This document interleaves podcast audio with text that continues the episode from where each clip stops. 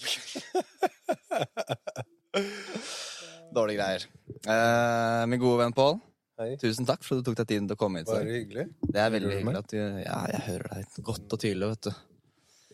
Eh, jeg syns det er koselig at du kunne ta deg tid til å komme ut og ha en liten hyggelig samtale med meg. Det er veldig hyggelig. Vi har jo kjent hverandre et år nå. Vi har vært ganske tett på. Vi har det, faktisk. Det er, jeg føler ikke at det er et år, et år ass. Jeg føler det faktisk det er lenge. Vi klaffa jo fra dag én, da. Vi gjorde det. Vi begge bare ah, vi sampler. Å ja, ok, greit. Å ja, du sampler beats, ja. Fett. Ja, det var ute på gresset. På fadderuka. Eh, men samtidig syns jeg det er morsomt hvordan du Når man blir så godt kjent på så kort tid, så syns jeg det er morsomt hvordan um, man endrer synet av en person. Ja. For jeg hadde et helt annet førsteinntrykk av deg. Jeg hadde jævlig dårlig førsteinntrykk. Nei, jeg hadde ikke det. Ja, men, ja, men skjønner du hva jeg mener? At du, på en måte, du, du har et sånt førsteinntrykk av en person, og så um, er det et helt annet bilde enn det det er etter og etterpå. Ja, men det, er, det blir jo ofte sånn, da. Når man møter folk første gangen. Mm. Så er, I hvert fall sånn skolesettings, da. Og alle gjør det samme. Ja. Så er det på en måte Du kommer dit veldig høy på deg selv. Typ. Mm. Så du på en måte får egentlig ikke vist hvem du egentlig er, før det har gått en liten stund. Det Så det er litt sånn Ja, nei, man skal være høy på seg selv, men ikke, man skal ikke være mer- mer verdt enn andre. Nei, Det skal man ikke. Men man må være litt høy på seg selv. Er, jeg føler at det, det ligger litt sånn derre Å, er du høy på deg selv, eller? Det er på en måte sånn derre Det ligger litt i språket at det skal du ikke være. Det er feil. Men hvorfor skal du ikke være høy på deg selv? For jeg føler at det blir misforstått hva man legger vekt til. Du skal jo være glad i deg selv og stolt av deg selv, og, og det er litt morsomt, egentlig. For vi mm, Jeg har vært med på sånt mentorprogram eh, hvor vi møttes i Ås, eh, jeg og ti andre, liksom. Vi har mastermind, da, hvor vi liksom prater og sånne ting. Og så fikk vi en utfordring av mentoren vår, eller coachen vår. Og det var at vi skulle gå to og to. Og så skulle du ha tre minutter hver, og på dine tre minutter så skulle du skryte hemmings, hemningsløst av deg selv. Mm. Det var jævlig lett? Nei, det var ikke det. Det var, det var skikkelig vanskelig. Det, var, eh, det første minuttet gikk fint. For da gikk du bare gjennom hva du gjør, og ja, skikkelig flink til å lage musikk, og skikkelig flink. Mm. Og så var det sånn Oi, det har bare gått ett minutt, og du skulle, du, du skulle ikke stoppe. Og til slutt så følte jeg meg nesten litt ekkel. Det var sånn der, eh, ja, det var skikkelig rart. Jeg vet ikke om du har prøvd det noen gang, men det, det var bare sånn Men det er jo en fin trening å gjøre. Og Eh, jeg gjør det veldig ubevisst. Ok, så kult. Ja, jeg snakker høyt om meg selv, men det er ikke til alle. Men det kan være for eksempel til kona mi. Mhm. Jeg skryter veldig mye av meg selv. Og så kan hun bli kvalm av at jeg skryter av meg selv, og så kan hun ta meg på det. Mm. Eh, og så sier hun 'gjør du det også blant andre'? Ja, ikke sant. Og så får jeg en sånn tankevekker. Gjør jeg det? Men så merker jeg at jeg gjør jo ikke det. Nei. Med, eh, med folk jeg er ukomfortable med. Nei. Jeg gjør det jo bare med folk jeg er komfortable med, fordi jeg er ivrig å fortelle om meg selv. Og hva jeg har oppnådd, og hva jeg gjør. Eh, Men jeg har liksom begynt å tenke mer på det etter at hun har sagt Ja, for jeg har aldri opplevd eh, deg som noe skrytete. Eller noe. Altså, du er veldig glad i å prate, men ikke på en skrytete måte. i hvert fall. Men så føler jeg også at det er lettere å Jeg tror man, i hvert fall med familien min, da, så kan jeg være veldig opptatt av å fortelle hva jeg skal. For på en måte, du føler du, skal, du må liksom litt bevise de du er veldig nærme. Ja, ja. Og da har jeg fått Jeg har fått tilbakemeldinger av nær familie bare sånn Men snakker du sånn her til vennene dine? også?» Men nei, nei, jeg gjør jo ikke det. Det er det. Og det er litt rart hvordan man snakker helt annerledes til folk man kjenner veldig godt. Men det er jo gjerne de som lærer deg mye òg, da. Og gir Mm. deg litt perspektiv på Ja, fordi broren min har en helt annen oppfatning. Fordi han har sagt at jeg har vært for humble. Og så møtte jeg han for en stund siden, og så snakket jeg om liksom hva jeg drev med. Og, Mm. og han bare Ja, men det var der du skulle vært når, du, når vi hadde forrige plateselskap. Fordi nå sier du ja, men jeg kan det og det og det og det, og så på en måte blir du ikke fornærma hvis noen ikke liker ditt arbeid. Så du står på ditt, og du er høy på Mm. deg sjøl på en måte der hvor du mer tror på deg selv mm, enn det du har gjort før. da. Helt klart. Så det, det veier jo litt sånn Det veier litt opp. Det er en balanse på det. Men helt klart superviktig å snakke seg selv opp. For jeg tror det er mer normalt enn man tror, at man på en måte har den der strenge stemmen i seg selv. da. Som på en måte forteller deg Jeg vet ikke, for, jeg, Det har vært en treningssak for meg, i hvert fall. Men jeg føler at det er mye mindre nå. ja, men vi bor jo i Norge, da. Det er sant. Så, ikke sant? Fordi jeg har jo eh, familie i Senegal og Frankrike. Mm. og de har en helt annen væremåte. De har det. Det er interessant. Ja, ja, ja. Eh, Sånn som fetterne mine er sykt høye på seg sjøl, liksom. Ja, ikke sant? Det er sånn der, eh, Jeg kommer dit, og jeg føler meg liten bare ved å være i nærheten av deres energi. Ja, ikke sant? Eh, og det, det merker jeg også når jeg er i Frankrike. Så er de veldig sånn De har nesa opp, og de er bedre enn deg, men de er sykt snille. De bare ja, har et annet driv enn oss, da. Mm, Jeg føler liksom vi i Norge er veldig trygge når det kommer til om vi skal klare oss økonomisk eller ikke. Om vi, vi har på en måte veldig mye eh, midler til å hjelpe oss uansett hvor vi er. Så det gjør at vi på en måte ikke trenger å ha den eh, Manifestasjonen i seg, ja. seg, liksom. Ja, ja, for det er, jo, det er jo litt det at hvis du, hvis du forteller at du kan, så kan du det, på en måte. Ja, ja. Men det er som du sier, her har vi kanskje ikke det samme behovet for det. Men samtidig så føler jeg at det finnes ingen grenser, da, for hvis du bor i Norge, og også er heldig som har blitt født her, men også har den derre Forteller deg selv alt du får til, og på måte på den måten at du er det allerede. Mm. Hvis jeg for eksempel sier ja, ja, men jeg, jeg har nok skills til å lage beats for de feteste artistene i verden, og sånne ting, da går du inn i en energi, Ja. og da vil du på en måte bli den energien lettere, da. Det er faktisk sant, altså. Så jeg prøver å jeg, Så det har blitt helt eh, mindblown av hvor mye manifestering kan gjøre Ja, en person. Fordi du ja, endrer synet, men så føler jeg også at det er en eh, balanse på det å være høy på seg selv, og det å være høy på seg selv. Ja, ja. For det er jo enkelte mennesker som er så høy på seg selv, som på en måte har vært privilegerte nok til å leve av kunsten sin, da. Mm. Helt 100% og blitt, fått kjempesuksess med det de driver med, og så føler de til slutt at det er den som er senter i alt, Ja, og det er den, dem er mer verdt enn andre, og der går det for langt for min del, da. Jeg føler at uansett hvem du er, og hvis du har vært så heldig at du på en måte faktisk har mange som følger med på det du driver med, og kunsten din, og fucker med det du driver med, Mm. så skal du egentlig bare være ekstremt humble, for du er ikke en dritt uten at de faktisk hadde fucka med det du driver med. Ja, ja. ja det, det, det er liksom Jeg tror det er veldig vanskelig. Jeg merker jo det på meg sjøl. Jeg driver og tar meg sjøl mye. Mm. Eh, på en måte når jeg oppnår noe. Hvis jeg ser store tall, hvis jeg får en ny jobb, og så blir jeg sånn eh, Har jeg kanskje andre prosjekter som Mm. Ikke er like store, og så tenker jeg med meg selv Men du kan ikke nedprioritere det, Nei. selv om du er på en måte levela opp, da. Du har kommet deg videre. Ja. Så må jeg på en måte ha de prosjektene, fordi det gjør at jeg er på en måte litt sånn down to earth. Jeg er, jeg er ikke der oppe, og jeg vil egentlig ikke være der oppe, hvis du Nei. skjønner. Jeg vil også klare å hjelpe den andre, hvis du skjønner. Ja, for jeg føler at det kan speile deg litt, da. At hvis du har behov for å være mer verdt enn andre, da er det kanskje fordi du har litt mindre verdi for deg selv innerst inne. Det kan godt Jeg vet, er, det er jo ikke en fasit, men oppfatningen min, da. Hvis jeg har møtt personer som har fått til veldig mye, og på en måte blitt store i det de driver med, og de samtidig har en veldig sånn humbleness for andre mennesker, så føler jeg at de stort sett har det veldig bra Mm. med seg selv. Og det kan jo tas kan du eksempler med folk som hvis du går rundt og lager bråk og lager drama og eh, slåss på byen og sånne ting, så er det jo gjerne fordi det er noe inni deg. At du har et behov for å gjøre noe. Mm.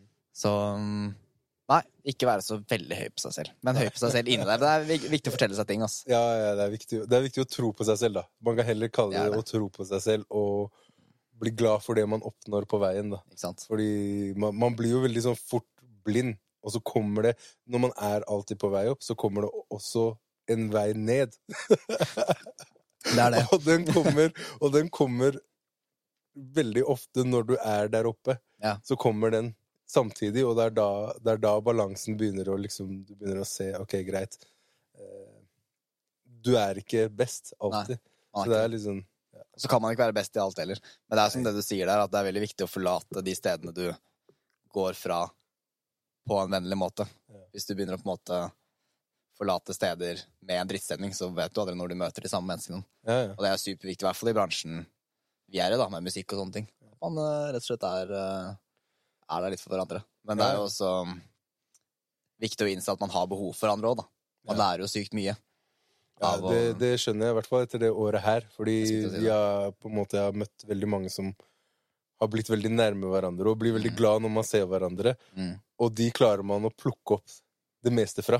Og på en måte komme seg videre Mm. eh, på steder man har stått fast. Er, Jeg følte det veldig med deg og Vertan. mm. At det var sånn eh, første, tredje, fjerde delen av året. Så var det sånn Vi møttes jevnlig nesten hver dag vi var på skolen og bare skravla og delte erfaringer. Og jeg følte at vi hadde den samme sulten etter bare å lære. Mm. Men samtidig så hadde vi så forskjellige perspektiver på ting. Samme som du og jeg bruker samme musikkprogram, eh, og måten vi bare lærte av hverandre så mye. Men det jeg syns har vært interessant nå den siste tiden, er hvordan eh, Fordi jeg har, jeg har lært veldig mye om det det året her, at jeg på en måte Når jeg kom inn i starten av fjoråret, så tenkte jeg at jeg skal bli dritflink til å mikse og mastre og liksom kunne ta oppdrag for andre artister. Men det var jo du og Vertan som på en måte lærte meg litt at det er kanskje ikke det Altså, jeg skal jo fortsatt bli flinkere til det, men jeg tror ikke det er det jeg vil sitte og bruke mesteparten av tiden på. For nå den siste tida, når jeg er med deg og Vertan, så den der mikspraten sånn, det går så dypt. Jeg faller helt av. Altså, jeg skjønner ikke hva dere prater om engang. Men, men samtidig så merker jeg at det interesserer meg ikke like mye som det jeg ser det interesserer dere. Akkurat den dybden i liksom mikse teknikker, og det er jo en milliard forskjellige måter å gjøre ting på. ja, ja. Og det er litt kult, egentlig. Føler du at du har utvikla deg selvfølgelig, altså Man utvikler seg hele tida, men er det noen spesielle ting du kan peke på som du har lært om deg selv, både i det private, men også eh, i faget, ved å ha gått på skolen et år? ja, jeg har jo lært å på en måte uh, se hva jeg vil, da. Mm. Skjønne hva jeg vil, mer hvilken retning jeg skal gå, og klare å legge fra meg ting. da. For jeg har aldri vært flink til å legge fra meg ting. Som du sier, at man vil gjøre alt. Man vil være den beste produsenten, mikseren, masteren, eh, legge Dem, lyd på film. Man, man vil gjøre alt, da. Mm. Ikke sant? Og på en måte, jeg har på en måte lagt fra meg veldig mye. Fordi jeg har skjønt at eh, med livet, da, så har jeg skjønt at eh, det er viktig å gjøre én ting av gangen og bli god. Helt klart. Eh, fordi da på en måte klarer du å balansere livet bedre. Jeg har, jeg har jo veldig mye, da. Jeg har jo kone og barn, og, Ja, så jeg har jo på en måte alltid noe. Så jeg klarer liksom ikke å eh, For eksempel Sivertan, da, som er masse energi. Han har liksom Han er ung. Han bare Han løper og gjør alt, ikke sant? Eh, jeg har vært der, ikke Ikke sant? sant. Eh, og nå så ser jeg liksom at jeg Men jeg, jeg i min situasjon så må jeg velge hva jeg skal gjøre. Mm. Jeg må på en måte peke litt inn på at ok, greit, jeg vil gjøre det her, Mm. og så gjør jeg det. Og så kan jeg på en måte, når jeg har etablert meg For jeg, må, jeg er mer på å etablere meg, Mm. og etablere meg som noe. Ikke sant? Så jeg på en måte er veldig i miksen og masteren, fordi ok, her skal jeg etablere meg, her skal jeg bli god, Ikke sant? Og så kan jeg liksom hente inn produksjon. Jeg kan hente inn ting senere, da. Når jeg ser at ok, her er det stabilt, ok, da kan jeg begynne å liksom Fordi jeg savner jo å produsere. Ja, ja, du har jo Eh, slutta å mekke bil. Du har ikke kanskje sluttet for alltid, men du har hatt en lang pause. Jeg har hatt en veldig lang pause, og så satt jeg i bil i dag og kjørte, Mm. og så satt jeg og hørte på musikk, og så ble jeg sånn Å, fy søren, jeg savner å lage musikk. Ja, ikke sant. Uh, men uh, ja. Det har sikkert ikke vært dumt for deg da, å fokusere på det, for det er som du sier, for å For å gjøre en ting skikkelig ordentlig, så må du også slippe litt ting. Og det er også Mm. noe jeg har lært det siste, men det gjelder ikke bare aktiviteter. Det gjelder liksom For meg har det liksom vært at for å få plass til noe mer, så må du også slippe noe. Mm. Og sånn går det hele tida. Liksom, og det kan være så enkelt som slipp på bekymringer, slipp på stress, kanskje slipp på enkelte ting du har jobba veldig hardt for, og da vil du få mer plass til en ting. Men samtidig så føler jeg også at akkurat det du sier, at når du går inn for én ting du brenner for, og du føler det riktig, så veit du ikke hva det fører til. Mm. For det kan være det kan være de stegene du trenger for å komme et sted du egentlig ikke visste at du ville. Mm. Ja, jeg, jeg tenker faktisk mye sånn sjøl. Altså. Fordi jeg, jeg har jo på en måte veldig mye ferdigprodusert ting. Ja. Ikke sant? Sånn som nå har jeg på en måte sluppet en singel, og så har jeg tid til å gjøre Jeg har tiden, fordi jeg vet at ok, greit, miksinga, alt det der, det er på stell på en måte. Nå, nå har jeg oppdrag. Jeg har alt, det bare går av, litt av seg sjøl. Så ser jeg liksom at ting åpner seg, da. Så det er jo på en måte litt det der å eh, At jeg ikke må falle i den igjen. At jeg skal begynne å gjøre masse. Fordi det er det som er farlig akkurat nå. For nå slipper jeg singler, og så skal jeg gjøre det, og så skal jeg gjøre det. Men jeg har liksom sagt til meg selv at ok, men det her er ting du har gjort for et år, kanskje to siden. Eh, Mm. Det har bare ligget der, så du har på en måte muligheten til å gjøre det uten å stresse. Du har veldig god tid, så da kan du fortsette med hovedmålet ditt, da. Mm. Nei, man har jo ikke dårlig tid heller. Og det er jo en ting jeg har lært veldig av deg, fordi ja, du har sikkert sagt til meg ti ganger, men Fredrik, du har ikke dårlig tid. Det er sånn der eh, evig sykdom jeg har hatt. Ja, ja. eh, det kommer seg, da. Men det har alle, da. Vi lever i et samfunn der hvor vi er veldig alt Det virker som at alt går veldig fort. Mm. Ikke sant? Det virker som at all, alle bare eh, blir kjendiser over natta. Det er sånn det, det, det er sånn det ser ut, da. Men det er jo ikke sånn. Ikke sant? Så det er på en måte liksom Det er veldig mye eh, Hva skal jeg si? Ja? Man blir litt, litt sånn lurt av sosiale medier og, og tenker at ja, men hvordan klarer den å gjøre alle disse tingene? Mm. Ikke sant? Men så er det mange av de som gjør alle disse tingene, har veldig mange som hjelper dem bak. Ikke sant? Uten tvil. Eh, så det er liksom Og så er det veien dit, og jeg tror ikke folk tenker over det. uh, hvor lang tid det har tatt da, før man faktisk kommer seg dit. Fordi la oss si at uh, vi jobber på en låt nå, da. Mm. Om fem år. Og plutselig så slår den av, og den bare går overalt. Så er jo det det første de fleste legger merke til. Ja. De så jo bare noen komme fra ingensteds og plutselig blowe opp. Uh, men den derre struggeren og den tiden det har tatt Og det er det jeg tenker på sånn med eh, Jeg har sett artister, store artister få spørsmål om hvor lang tid tok det på å bruke å lage den låta. Mm. Og så var det sånn Nei, ja, altså selve den låta her tok meg jo liksom kanskje 48 timer til sammen. Men det gjorde jo ikke det. For jeg måtte jo lage 150 andre låter som ikke var bra. eh, For, altså det er jo på en måte det. dit. Samme Ja. som med kunstverk òg. Du kan se et uh, kunstverk være verdt millioner. Men det er jo ikke bare tiden av det, at det tok 24 timer å male. Det er jo ikke det de gjorde, for det er jo malt så mange andre bilder før det.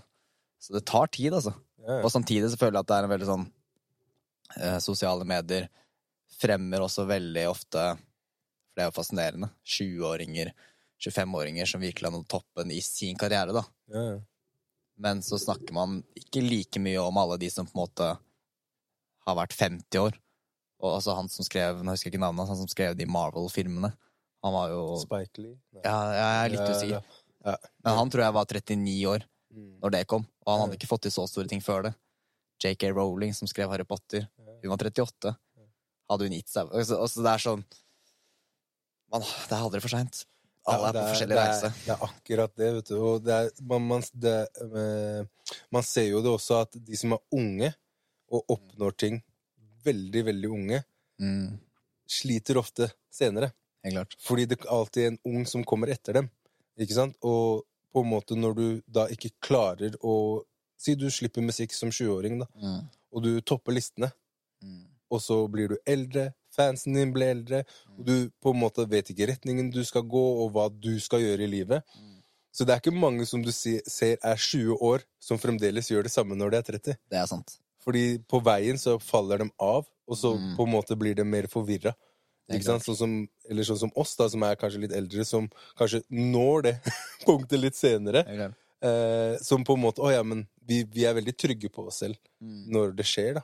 Ja, fordi også har vi lært så mye Jeg vet ikke med deg, men hvis jeg tenker tilbake når jeg var 20 år, eller la oss si 18, da, så tenkte jeg bare å, jeg har lyst til å blowe med den rappmusikken min.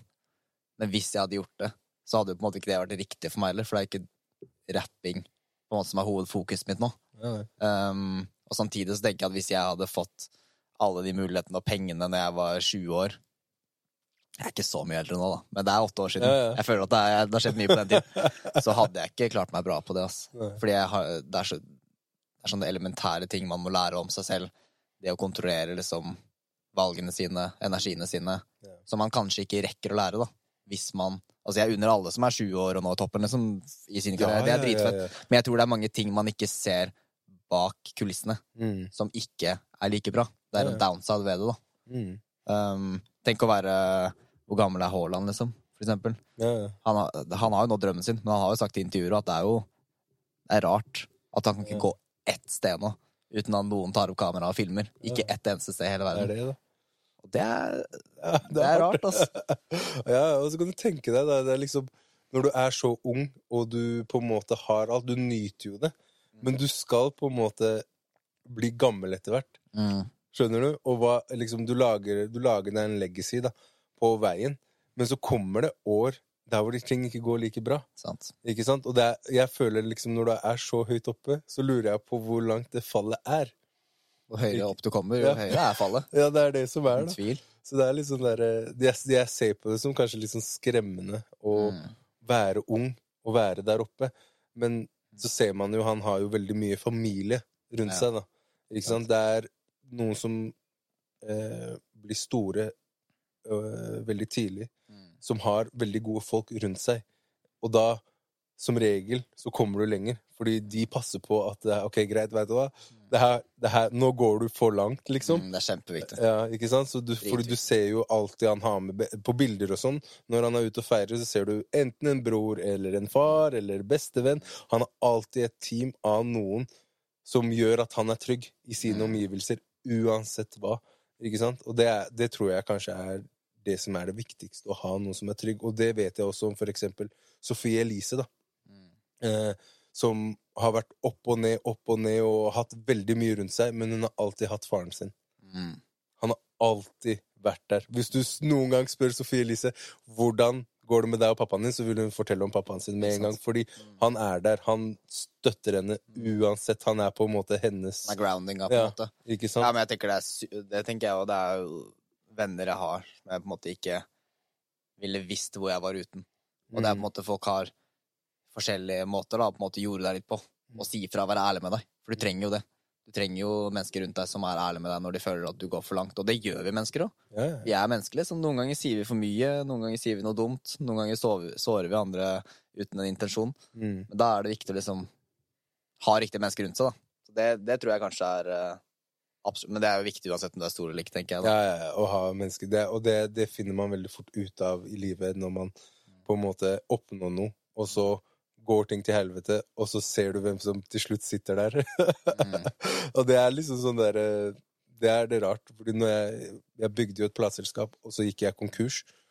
Og når jeg gikk konkurs Alle som hadde noen gang vært innom det studio, alle som jeg hadde jobbet med, poff, så var de borte. Mm. Hvem var det jeg hadde igjen? Min bror, min mor, min kone og mine barn. Mm. Det var de som liksom var der, for deg ikke sant? Så det er liksom Nei, man legger fort merke til eh, hvem som faktisk er der når ting går ned. Og, ikke bare det, men du merker også hvem som feirer dine vins, liksom. Mm. Vins. For det er også en sånn ting jeg har merket til vi har blitt eldre, da, at det er sånn, hvis man har en jævlig god nyhet, så er det ikke alle som unner deg det. Nei. Og jeg tror ikke det handler om at de vil såre deg øh, med vilje, eller liksom ikke vil deg noe godt. Jeg tror de bare ikke Jeg vet ikke helt hva det kommer av. Jeg har egentlig ikke tenkt så mye over det. Det er vanskelig å feire andre fordi alle vil noe. Mm. Ikke sant? Alle vil noe. Alle vil, I hvert fall i den tiden vi er nå, så vil alle ha en likeklikk. Alle vil ha en kommentar. Alle vil ha noe. Mm. Selv om du ikke er kjent, selv om du ikke eh, gjør noe spesielt. Om du bare ligger på sofaen med hunden din, så vil du ha en likeklikk. ikke sant? Mm. Og hvis noen da gjør noe som er stort, så er det vanskeligere å trykke liker. Fordi du Mm. klarer ikke å oppnå det samme, føler jeg. Ikke sant? Jeg har jo tatt meg i det selv sjøl. At jeg blir sjalu på andres eh, Oppturer. ja, oppturer. Så jeg har jo på en måte vært litt sånn, vet du hva? Det koster meg ingenting å trykke lik. Det koster meg ingenting å eh, skrive en komment. Det koster meg ingenting. Og på en måte etter at jeg starta med å bare Ok, jeg bare, når jeg går gjennom for eksempel Instagram, da, så bare går jeg og trykker lik på alt. Mm. Fordi jeg bare Noen trykker jeg like på fordi jeg liker dem ekstra godt, men jeg på en måte, jeg bare alle fortjener en like. Ja. Hvorfor skal, hvorfor skal ikke du fortjene en like, selv om du bare står der og tar et bilde?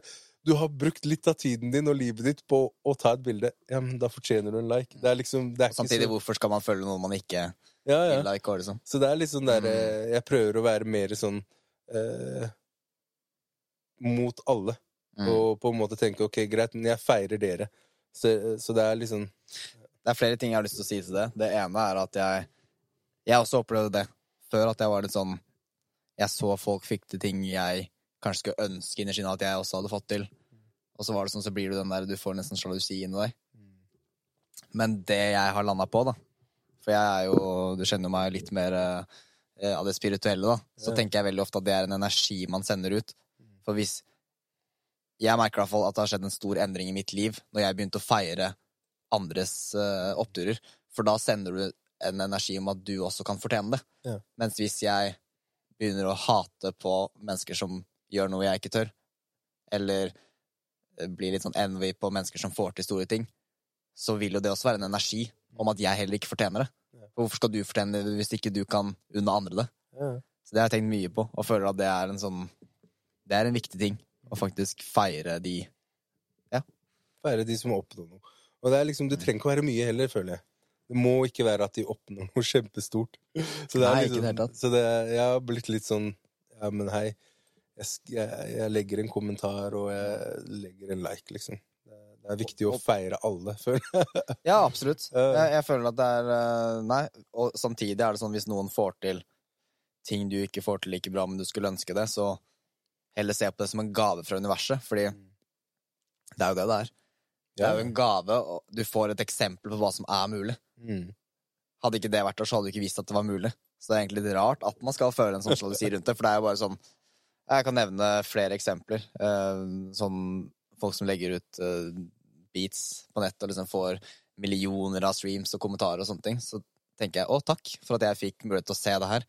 Hva er det han personen eller hun, hun gjør som ikke jeg gjør? Og så kan man forbedre seg. Ja, ja. Ja, fordi jeg har jo sett det, sånn, i hvert fall på sosiale medier, der hvor jeg har, sett, jeg har fulgt artister som har for eksempel ikke vært noe, og så eh, var det en periode jeg hadde, ikke hadde Instagram på kanskje et år eller to, og så åpna jeg Instagramen min, og så er jeg bare Oh, shit! Du har virkelig hasla. I disse to årene har du jobba skiten av deg, og du har blitt dritsvær. Og jeg bare Oi! Da, er det, der, og da kan ikke jeg bli sur, fordi jeg har ikke hatt Instagram i to år. Jeg har ikke laget beats, jeg har ikke gjort noe på to år, så jeg kan ikke bli sur for at du har jobba livet av deg i to år, liksom. Det, det, det, det blir bare for dumt, ikke sant. Men sånn kunne jeg være før. Mm. At jeg kunne bli sjalu på noen som har jobba ræva av seg, liksom. Så det er liksom Ja, så tror jeg det er sånn En ting er på en måte følelsen man får av ting. Det er helt greit å føle seg sint, det er helt greit å føle sjalusi, det er helt lov å dømme, men det er liksom litt hva du gjør med det, da. Ja. Bevisstheten din rundt det. Jeg har snakka om det flere ganger også. Jeg kan gå på gata og dømme noen inni hodet mitt. Tenke sånn, herregud, se på han eller se på hun, men så tar jeg meg selv litt i det bare Hvem er jeg til å si hva som er feil og riktig, liksom? ja, ja. Må gjøre hva man vil. Og, og som klart, det har vært en lang prosess òg for de som har jobba. Som vi prata om i stad, det der med å, at man ikke har dårlig tid, men det å også nyte prosessen man er i, da. Jeg tenkte på det i stad når vi prata om det. Fordi ofte så er jeg litt glad for at det tar litt tid med ting. Mm. Fordi når jeg ser tilbake på tingene nå, så savner jeg litt den derre tiden jeg starta å lage beats, og sugde i det jeg gjorde. ja, ja. For du kommer aldri tilbake dit. Og det minner meg på om å nyte prosessen her og nå. Mm. Ja, for man kommer jo alltid lenger så bare man gjør det, Mm. ikke sant? Jeg, jeg husker jo på en måte Når jeg begynte å finne ut hva feilene mine var i det jeg ville bli, at det liksom Ok, greit, jeg kan ikke trommer. Jeg har ikke rytmisk sans, Mm. liksom. Og jeg bare gjorde det et år, Mm. Og så er jeg bare oh, Det her plutselig er livet helt nytt. Det er som du sier, ja, Da begynner du å nyte det. Mm. Men du savner også den strugglen. Ja, du gjør det. Du gjør det. Med å ikke skjønne to og fire, for eksempel. Ja, ja. Så det er liksom der Nei, altså, jeg syns det er dritmoro, den der følelsen av at alt er jo mulig. Ja, ja, ja. Du kan gjøre alt du vil, men du kan ikke gjøre alt. Det er greit nok, for du må liksom velge ut noen ting, sånn som du nevnte i stad. Men alt du har Altså, vi er mennesker. Vi kan transformere oss helt. Hvis du ikke liker der du er, eller liker den personen du er, så vi har full mulighet til å bare endre alt. Og det tror jeg liksom Jeg tror ikke jeg selv innser det nok engang, egentlig. Nei. Nei, jeg føler man kan bli hva man vil, egentlig, når man vil. det. Mm. Det bare spørs hva slags driv du har. Ja. Ikke sant? Det er eh, hva, hva slags menneske er du? Vil du gjøre en forandring i livet ditt? Mm. Og du klarer å få med deg de som er rundt deg. Det som er viktig, er å ha med seg de som er viktige for deg i prosessen. Mm. For da går det som regel veldig mye bedre. Helt og det går også veldig mye fortere. Mm. Eh, så det er liksom det å, å, å klare å forklare hva man vil, da. Ikke Mm. sant? Når jeg var, hadde gått konkurs og sånn, Mm. jeg er veldig glad i tall. Og jeg bare ok, greit, eh, hadde hatt litt problemer i forholdet mitt, der, der, der. Mm. Så tenkte jeg Hæ, hva skal jeg gjøre nå, for jeg vil tjene penger. Mm. Ja, ja. jeg vil gjøre familien min trygg. Det var målet mitt. Og, bare, og så møtte jeg en kompis, han bare ja, jeg driver med regnskapsføring og sånn. Og så eh, tenkte jeg ah ja, kan ikke jeg bare sitte og se litt på deg? Og så begynte jeg liksom sånn smått å gå inn og se hva er det en regnskapsfører gjør, hva er egentlig økonomi? Mm. Og jeg, da, jeg var på vei inn der, for jeg Mm. skjønte liksom hva, hva jeg måtte gjøre. Hadde jeg gjort det, så hadde jeg sikkert gått på BI nå. Eh, men så Det som skjer i det mens jeg gjør det, er at Logic oppdaterer seg. Og får en sampler. ikke sant? og jeg bare Og så setter jeg meg ned med den sampleren, og så bare OK. Det her This is it. This is it, liksom. Nå, nå forandra alt seg igjen. Skjønner du? Og Mm. da hadde jeg egentlig kjøpt bøker, for jeg skulle liksom Jeg hadde kjøpt bøker for økonomiutdanning, Mm, bare for å, å. Ja, ja. Så jeg hadde liksom gjort alt klart for at jeg skulle begynne, og jeg hadde søkt jobb hos DNB, og jeg hadde gjort mye Mm. forberedelser og lest mye og vært mye med han kompisen min som driver med det. Men så kom den sampleren, da, og da tenkte jeg ok, dette her er et tegn fra universet på at ok, greit, du kan ikke gi opp det du har drevet med nå i ti år. Kan ikke du gi opp med. Nå, nå skal du på en måte tilbake, og da Så fikk du det måte- ekstra, liksom, for Ja. å bare Så da ga jeg liksom bare La jeg vekk de økonomibøkene, og så begynte Det er litt interessant der, for du, du merker veldig fort Men det er jo viktig også, da, at man prøver ut ting ja. og tester ting, for man veit ikke det er, det er, Jeg tror det er mange ting man interesserer seg for som man ikke vet om ennå. Mm. Det er derfor jeg føler det er så viktig å på en måte være litt åpen, da. Hvis man er på et sted hvor man føler at man er ikke helt sikker på hva passionen min er, eller liksom 100% For det kan være flere ting, og det må ikke være én ting. Men det å teste ut, og når du har testet ut, så bare merker du veldig fort om det var noe eller ikke var noe. Og når det er noe, det er jo da man får det drivet. Det er jo da det er morsomt. Ja. Så det, det, men som du sier, også riktige mennesker, og jeg merker jo det å ha jobba med persen min her på skolen et år nå. Det har jo, hadde jo ikke vært halvparten så morsomt engang om det ikke hadde vært for enkelte mennesker som er rundt deg med i prosessen. Det motiverer deg skikkelig, liksom. Det er sant, ass. Kanskje spesielt eh, Det skal jeg faktisk skryte deg litt for, for du du har jo en veldig sånn derre boostende god energi. Så det har vært flere ganger jeg bare sitter i studio og så bare Å, dagen er litt hard, ass, eller et eller annet. Og så kommer du inn, så tar det fem minutter, og så er jeg bare Ja, det er hyggelig. Dette her veit ikke du, men etter du går ut av studiet så får jeg sånn Fuck yeah! Nå bare kjører vi på, liksom. Ja, ja. ja, ja. Det er en god egenskap. For Ja. det, folk har på en måte forskjellige energier, og hvert gir meg veldig god energi, men han gir meg en mer sånn der, en annen type god energi. Du kan på en Mm. måte ikke helt sammenligne det. Og det, da tenker jeg sånn tilfeldigheter, ass. Jeg tror uh, det er Jeg syns egentlig alle klassene er hyggelige, men det er jo deg og Vertan jeg har vært mest med. Ja. Men hadde det ikke vært for Tenk hvis ikke dere hadde gått på skolen liksom, det året her. Jeg lurer på hva ja, jeg vet ikke om jeg hadde hatt det like bra. skjønner du. Nei. Det som er, er at når jeg tok min første bachelor i musikk, mm. da havna jeg i en klasse eh, der hvor alle var sykt flinke. Jeg var Mm. ikke så flink. Mm. Og det var, en, det var egentlig ganske kjipt, kjipe tre år, selv om jeg lærte Mm. sykt mye. Fordi alle som, alle som starta der, var veldig høye på seg selv. Alle som starter på så høye studier, er veldig høye på seg selv. Mm. Og hvis du kommer inn og er litt mindre, så blir du overkjørt. ikke sant? Og det er Mm. veldig mange som falt av Mm. eh, når jeg tok den bacheloren, fordi at alle kunne så mye. Mm. Og de som ikke kunne så mye, ble liksom dytta litt til siden. da. Og her føler jeg liksom Her kommer jeg, og all, det her er det folk som ikke hadde alt det knowledgen. Det var alle nivåer. Og jeg bare OK, når du kommer til et sted der hvor det er alle nivåer, så finner du alltid noen. Og det, Det du ser det også i klassen, at Mm. nesten alle har sine kliks. Helt klart. Ikke sant? Alle har sine sånne små Mm. kliks og har klart å eh, finne ut av hvem er det jeg liker å være sammen med, hvem gjør den type musikk. Vi er, vi er veldig heldige med Noroff, egentlig, sånn når det kommer til å ha en fagskole. Uten tvil. Eh, fordi de andre skolene er veldig Du må ha et veldig høyt nivå, og de som er rundt deg, har et veldig høyt nivå, og konkurransen er så stor at du på en måte nesten blir litt sånn redd, da. Ja, og samtidig så føler jeg at jeg kan se fordeler og ulemper ved begge sidene. Fordi ved å komme på sted hvor det er veldig høyt nivå, så den beste måten å bli flinkere på, er jo å omringe deg med mennesker som er flinkere enn deg. Men ikke bare. For det å lære bort også, det blir du også flinkere på. Så jeg føler ja. ikke at det bare er sånn, liksom. Ja, for jeg føler jo liksom når jeg kan Hvis noen spør meg om noe, og jeg kan snakke om Mm. det, og lære det bort, så på en måte får jeg mer. Fordi da må jeg liksom tenke Å ja, jeg må tenke på hva, hva slags prosess jeg gjør. Ikke sant? Sånn som når vi starta sammen og begynte å snakke om våre prosesser og sånn.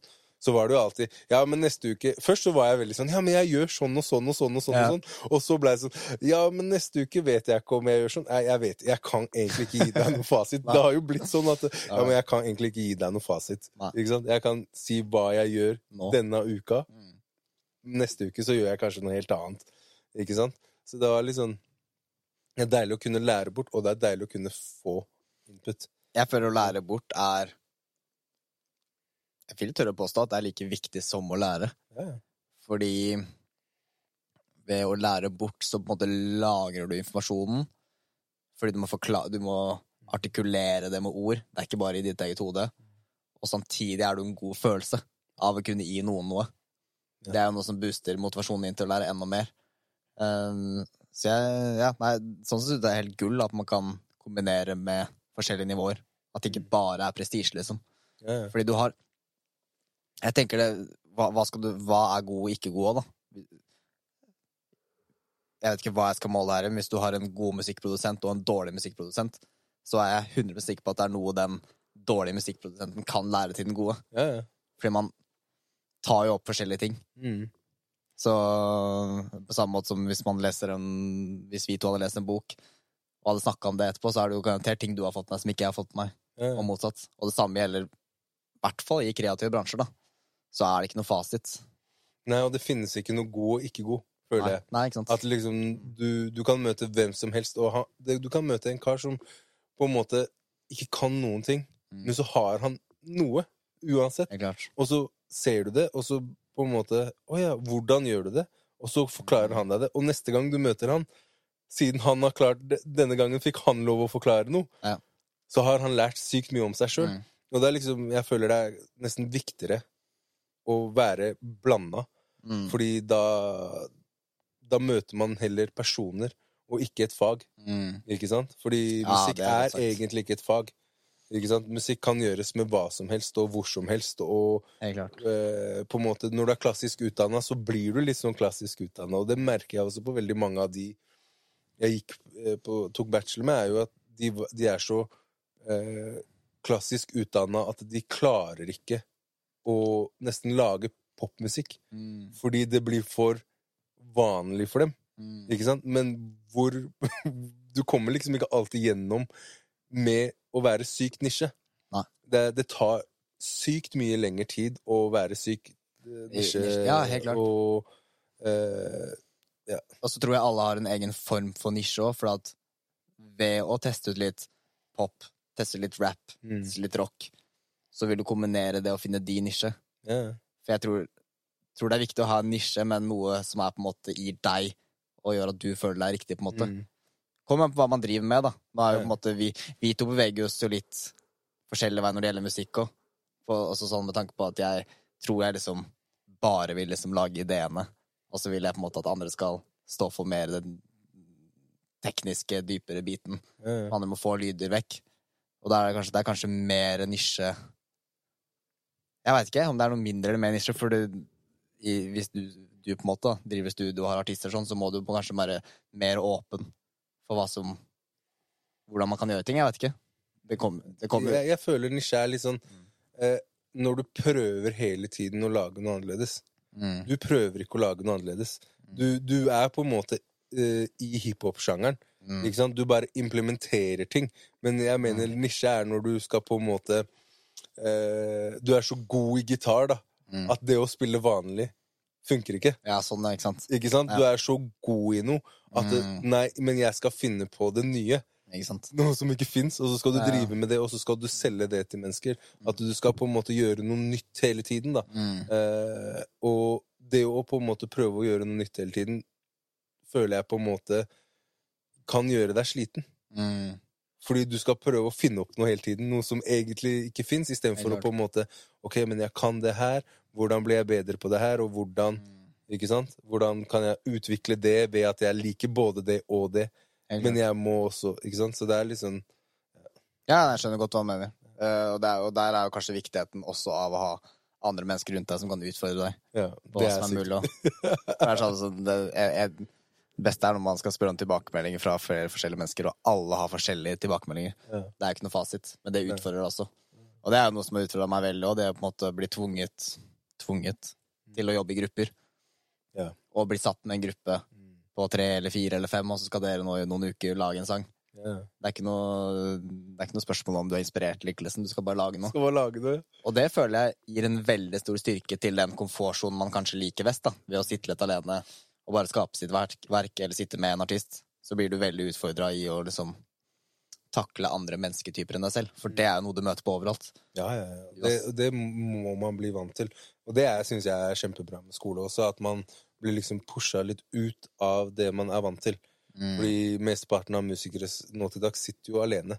Mm. på soverommet sitt og sender ut beats og liksom rapper alene, og så på en måte De er jo ikke blant folk. Nei. Og så er man plutselig i en gruppe, og så bare Ja, men hei, jeg liker ikke det der. Og så tenker du Mener du jeg har jobba hardt med det her? Mm. Og så Men jeg liker det, men jeg liker ikke det, kan du gjøre. Og så på en måte eh, Blir det helt uvant. blir det helt uvant. Og til slutt så skjønner du hvordan det funker. Og jeg bare Å ja, ok.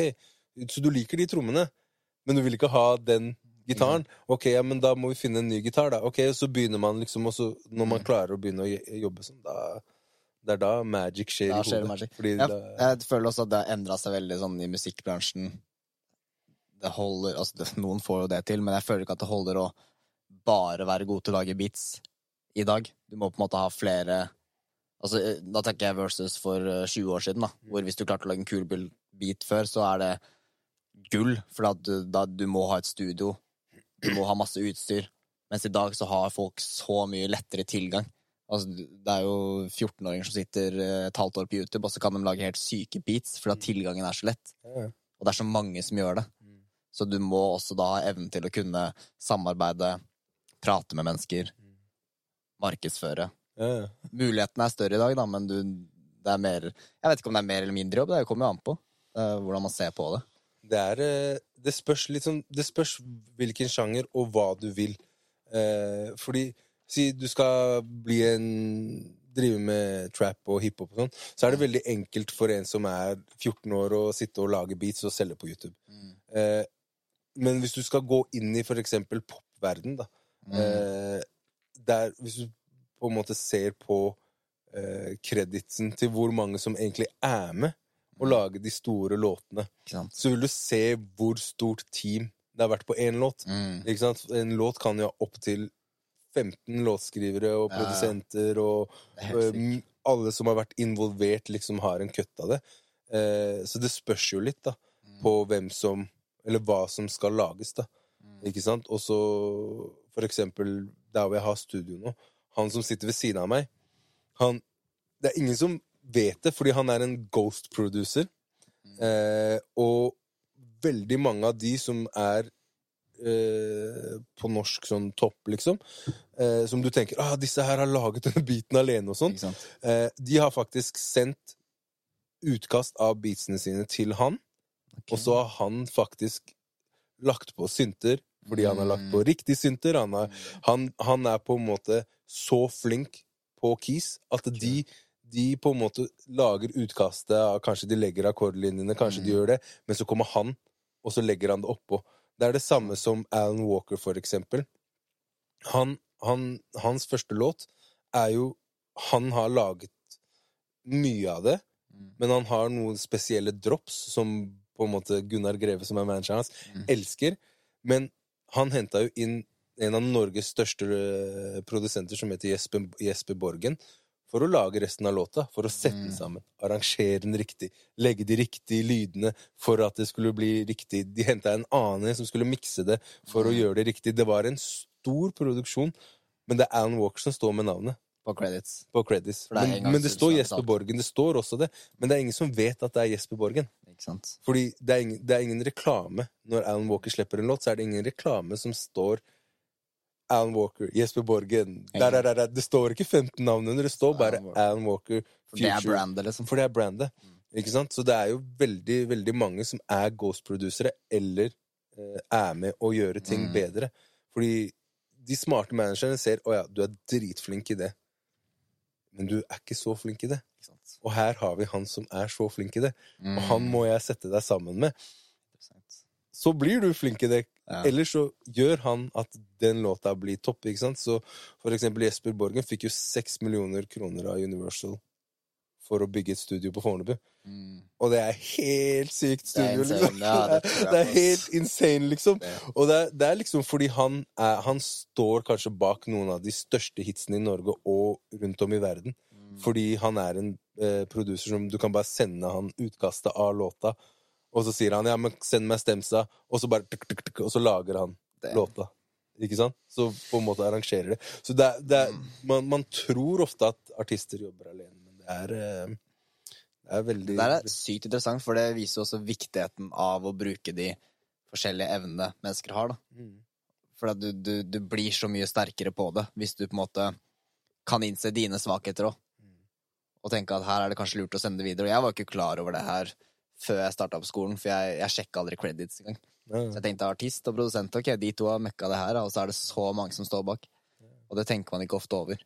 Og det er kanskje viktig å tenke på som artist òg, at man trenger å ta inn litt andre Mm. inn i varmen. Fordi det blir, det blir mye gøyere, og det blir mye bedre resultatet når man jobber med flere.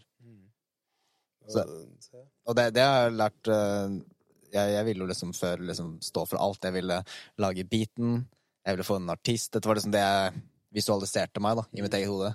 Jeg kunne mikse det og mastre det helt ferdig, markedsføre det. Men så innser du at det er, det er bedre å ha forskjellige ledd. Ja, ja. At du kan, fordi det, det er ikke alt man er like god på. Man kan være god på alt, men det er gjerne noen få enkle ting som du er, har skikkelig talent i. Og da er det fint å kunne være team, da. Ja, ja. Teamet er på en måte gull. Mm. Du ser det på de, de største albumene som noen gang er laget. da. Så kan du tenke deg på en måte Thriller som blir solgt enda, er det mest solgte albumet i hele verden. På en måte hvordan Quincy Jones For Quincy Jones er produsenten. Mm.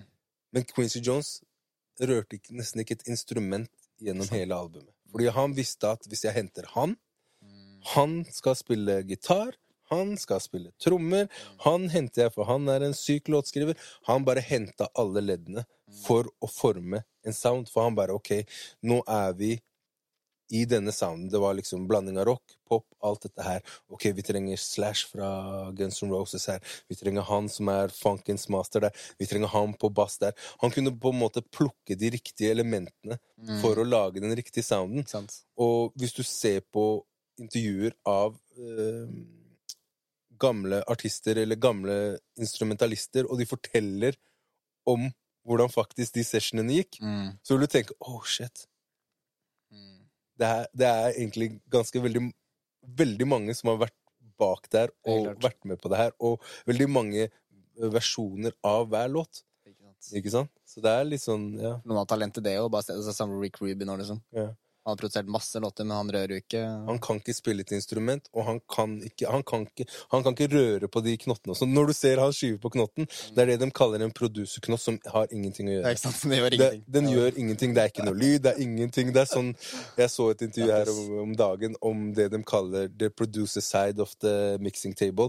Der er det Hvis de sier ah, ja, du, 'Jeg føler at kicken skulle vært hardere', ja, men bare dra i den spaken der, så er det ingenting i det. Og de bare 'ja, perfekt'. Placebo. Men det, er det- det- ja, Det er det de kaller det, liksom den derre eh, At det på en måte Ja, ja, men de har bare lyst til å si ting. Mm. Så, så det er liksom Det er veldig mange som er flinke til det.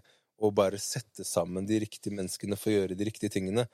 Og tørre å ta avgjørelser. Mm. Sånn som Kanye West er veldig flink til det, han òg. Mm. Han er på en måte, han kan si 'Fredrik, bli med på den tracken her'. Mm. Og så bare 'Nei, jeg likte ikke verset ditt', jeg. Selv om det er kanskje det mest fire verset du kan tenke i hele verden. Nei, men uh, jeg føler kanskje at uh, Bertan skal ta det verset istedenfor. Sånn er bransjen, liksom. Sånn er det. Og, Man vil ha godt resultat. Ja. Og ikke minst den ja, evnen til å putte sammen mennesker og se hva som vil passe sammen. Mm. Men jeg tror det handler om energien du bærer òg. Ja. For jeg tror Rick Rubin Jeg har aldri møtt han, øh, men jeg, av det jeg har sett av han, da, på intervjuer, sånn, så kan jeg tenke meg at det å bare ha han i studio, sittende der Mm. det, Og det også er ikke alle som tenker over. At jeg føler at det er et samarbeid hvis jeg sitter og produserer en beat med en artist ved siden av meg, og så sitter tre kompiser av han bak. Mm. Så føler jeg at de på en eller annen merkelig måte jeg ikke kan beskrive med ord, så føler jeg at de er med på den biten. For jeg ville ikke lagd det uten de. Hvis de er en god vibe, og de på en måte Nei, faen, ja, det var fett. Og liksom, de trenger ikke å gi en tilbakemelding, egentlig. De bare er der Ja, ja. med den tilstedeværelsen sin. Det har så mye å si.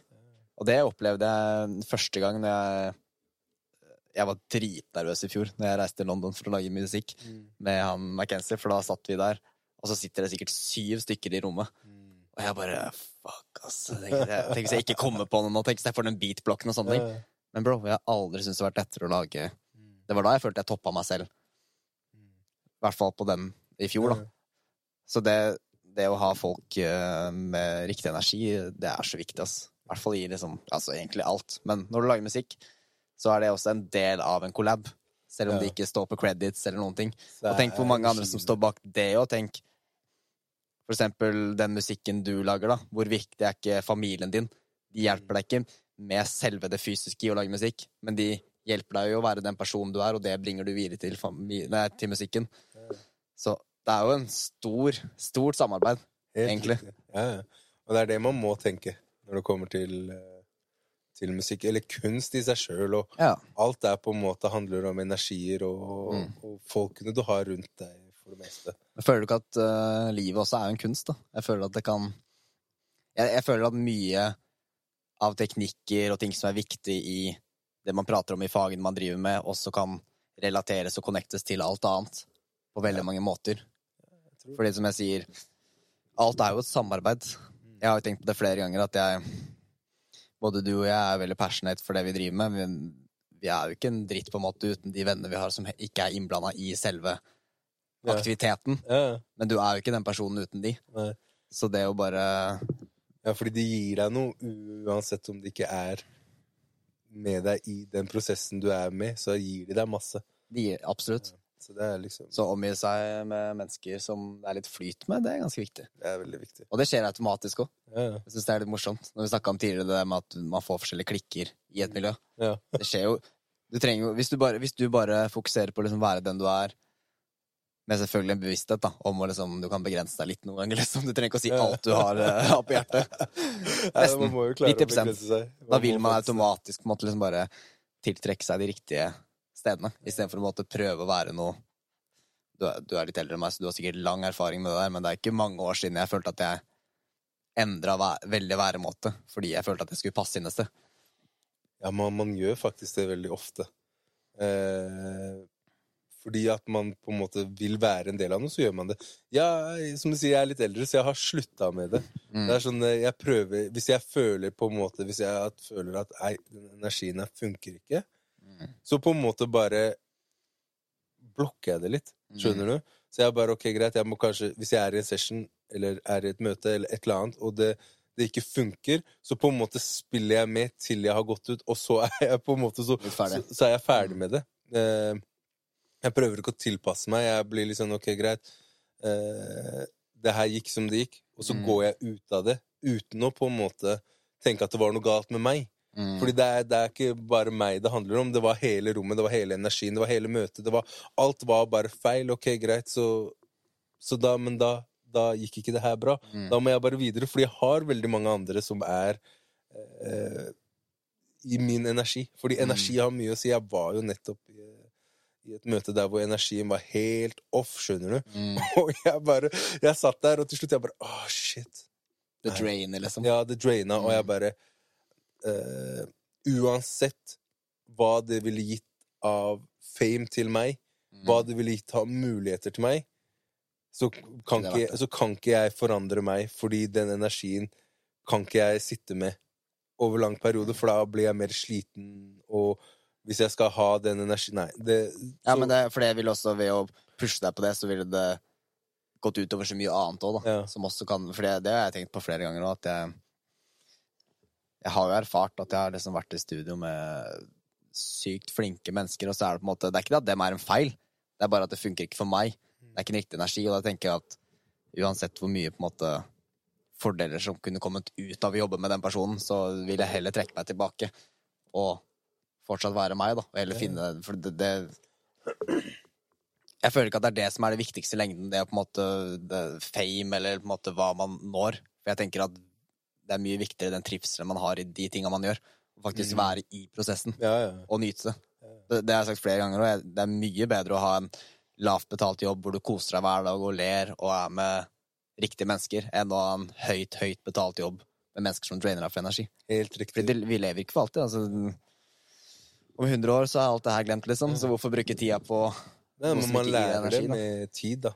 Og, og på en måte føle mer på energiene enn det som, enn å tilpasse seg. Mm. Sant? Du kan tilpasse deg i de to timene, for ok, greit, du har booka det session eller den møtet. Du må bare Men etterpå så er det ditt valg om du skal gå inn i det igjen. Bare Mm. fordi du tror det er en mulighet, og så er den muligheten verdt det. Ikke sant? Jeg har vært igjennom det så mange ganger. Og på en måte jeg har vært liksom prøvd å Du skal på en måte please andre. mer enn du pleaser deg selv. Og så blir du sånn utslitt etterpå, og så sitter du der, og så tar det deg tid å komme seg tilbake. Uten tvil. Ja, ja. Og så er det sånn Ok, men hva skjer hvis jeg faller av nå? Er det en person det er, det er mye tanker, så derfor er jeg liksom Med en gang jeg føler ok, det her er en dårlig energi, Mm. det her vil jeg klare å sitte fire timer med deg i et rom. Mm, Nei. Jeg også føler at det er, det er interessant det der, for jeg føler at det er to sider rundt det der man på en måte ikke føler energien der og da. For det er noe annet å møte en person første, andre gangen, og så tenker du at nei, jeg veit ikke helt om det her er riktig person for meg å jobbe med. Men så kan du møte den personen fjerde, femte gang og spørre ja, faen, jo, det er riktig. ja, ja. Men det, det føler jeg mer med liksom det førsteinntrykket, at man kan ta feil av førsteinntrykk. Mens når man føler det her, at det er sånn her er det noe som skurrer litt, Mm, da er det riktig. ja. Jeg har i hvert fall tatt meg det på flere ganger. At jeg liksom Nei, jeg veit ikke helt om dette er riktig person for meg å bruke tid med. Mm. Men så har jeg innsett at kanskje den personen bare hadde en dårlig dag. ja, ja. Kanskje jeg ja hadde det kan jo også være. Men, men jeg, føler, jeg føler ikke at en dårlig dag gjør noe med energien. Ja, For jeg kan jo ha hengt med deg hvor jeg har hatt en dårlig dag, eller du har hatt en dårlig dag, men vi har jo det Det er jo hyggelig for det, på en måte. Det skurrer ikke. Nei, nei, men liksom ikke- man, man, man, man merker det på personen, da. Si man, man, har, man møtes, så er energien dårlig. Og så sender den en, en, en, Kanskje jeg eller den andre meldinga er bare 'Hei, jeg vet ikke om jeg følte det her', eller hva, hva, hva var det som skjedde? At man kan snakke om det i ettertid. Mm. Så føler jeg at det, det kan løse seg. Skjønner du? Men no, noen ganger så bare merker man energien, ass. Ja, men det kan være noe som skurrer, liksom. Ja, ja, det var, ja jeg har merka det et par ganger i det siste, og jeg, jeg har blitt veldig sånn Jeg må føle energien for at det skal gå. Mm. Fordi jeg bare Hei, jeg, jeg har så mange gode folk rundt meg. Hvorfor skal jeg slippe inn noe som gjør meg sliten? Jeg bare jeg, jeg, jeg, ja, ja, og jeg bare Det er liksom Ja, det er en mulighet der, men er den muligheten Mm. verdt det i det øyeblikket her? Er de pengene verdt det? Er, det er liksom det er, i livet mitt Jeg har det for bra til å på en måte ta det inn, da. Ta det imot, typ. Ja, så føler jeg at det kan være universet som tester deg litt òg, da. Ja, ja. At er det sånn Gjør du det her fordi du elsker å gjøre det med riktig pensel, eller gjør du det her bare for å oppnå noe og liksom vise Ja. deg Jeg føler at det kan være litt sånn test. ja, at universet er litt der. Og jeg, jeg føler ofte at universet tester, altså. Hvis man Ja. setter, jeg kan ofte liksom sette meg en mål. At nå vil jeg gjøre det. Og så kommer det tester. Ja. Bare ja, hvor mye har du egentlig For eksempel Men Det var vel ett år før pandemien. For da hadde jeg en ganske lang sykemelding fra elektrikerjobben min, eh, som jeg ikke jobber som nå lenger. Og jeg bare, vet du hva, nå sier jeg fuck it, nå skal jeg bli dritflink til å mekke beats. Det er det, det er det jeg skal gå for, liksom. Gikk det et år, det var en struggle. Og etter et år med Mac-en jeg hadde betalt for alle pengene jeg hadde, så krasja den. Alt blir sletta. Tenkte jeg bare sånn Det hadde vært litt fristende å bare si vet du hva, fuck det her, jeg går tilbake til det trygge liksom, som jeg var i. Men nei, vi går videre. Og jeg føler at det skjer med så mange. Jeg har hørt liksom flere historier av folk bare jeg har lyst til å starte en ting, og så går det konkurs, og så Det kan være liksom alt mulig, da. At universet tester deg hvor langt du, er, du vil dra den strikken. At det kommer utfordringer i det du setter deg store mål.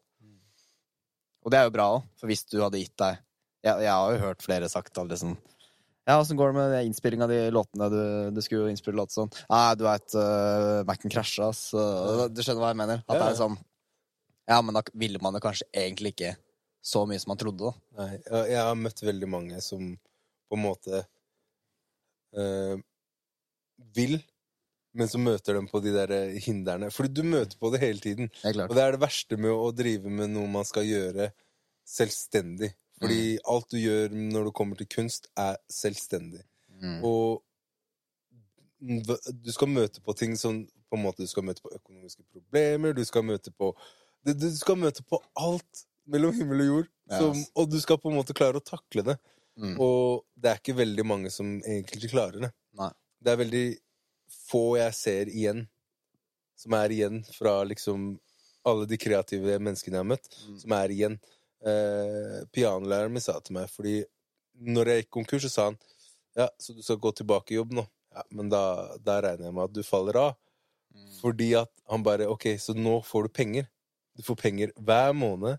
Mm. Du får alt, alt du trenger, får du hver måned. Du skal ikke struggle lenger. Nei. Du skal kunne kjøpe deg hva du vil. Du skal Mm. gjøre alt. Så det betyr at ok, du setter deg ned og blir trygg, da. Mm. Og jeg, jeg tok det liksom til meg, for jeg bare Det er jo sant, det han Mm. sier. Fordi når jeg får penger hele tiden, og jeg trenger ikke å jakte noe, og jeg er trygg, så vil du jo på en måte ikke gå tilbake til det som er utrygg, og det som er stress. Og jeg merker det med mange nå også. Så det er sånn ja. Nei, det er, det, er, det er litt morsomt, for man vil jo kanskje søke til denne komfortsonen, men det er, det er ikke ofte at det trygge er det riktige, da. Nei.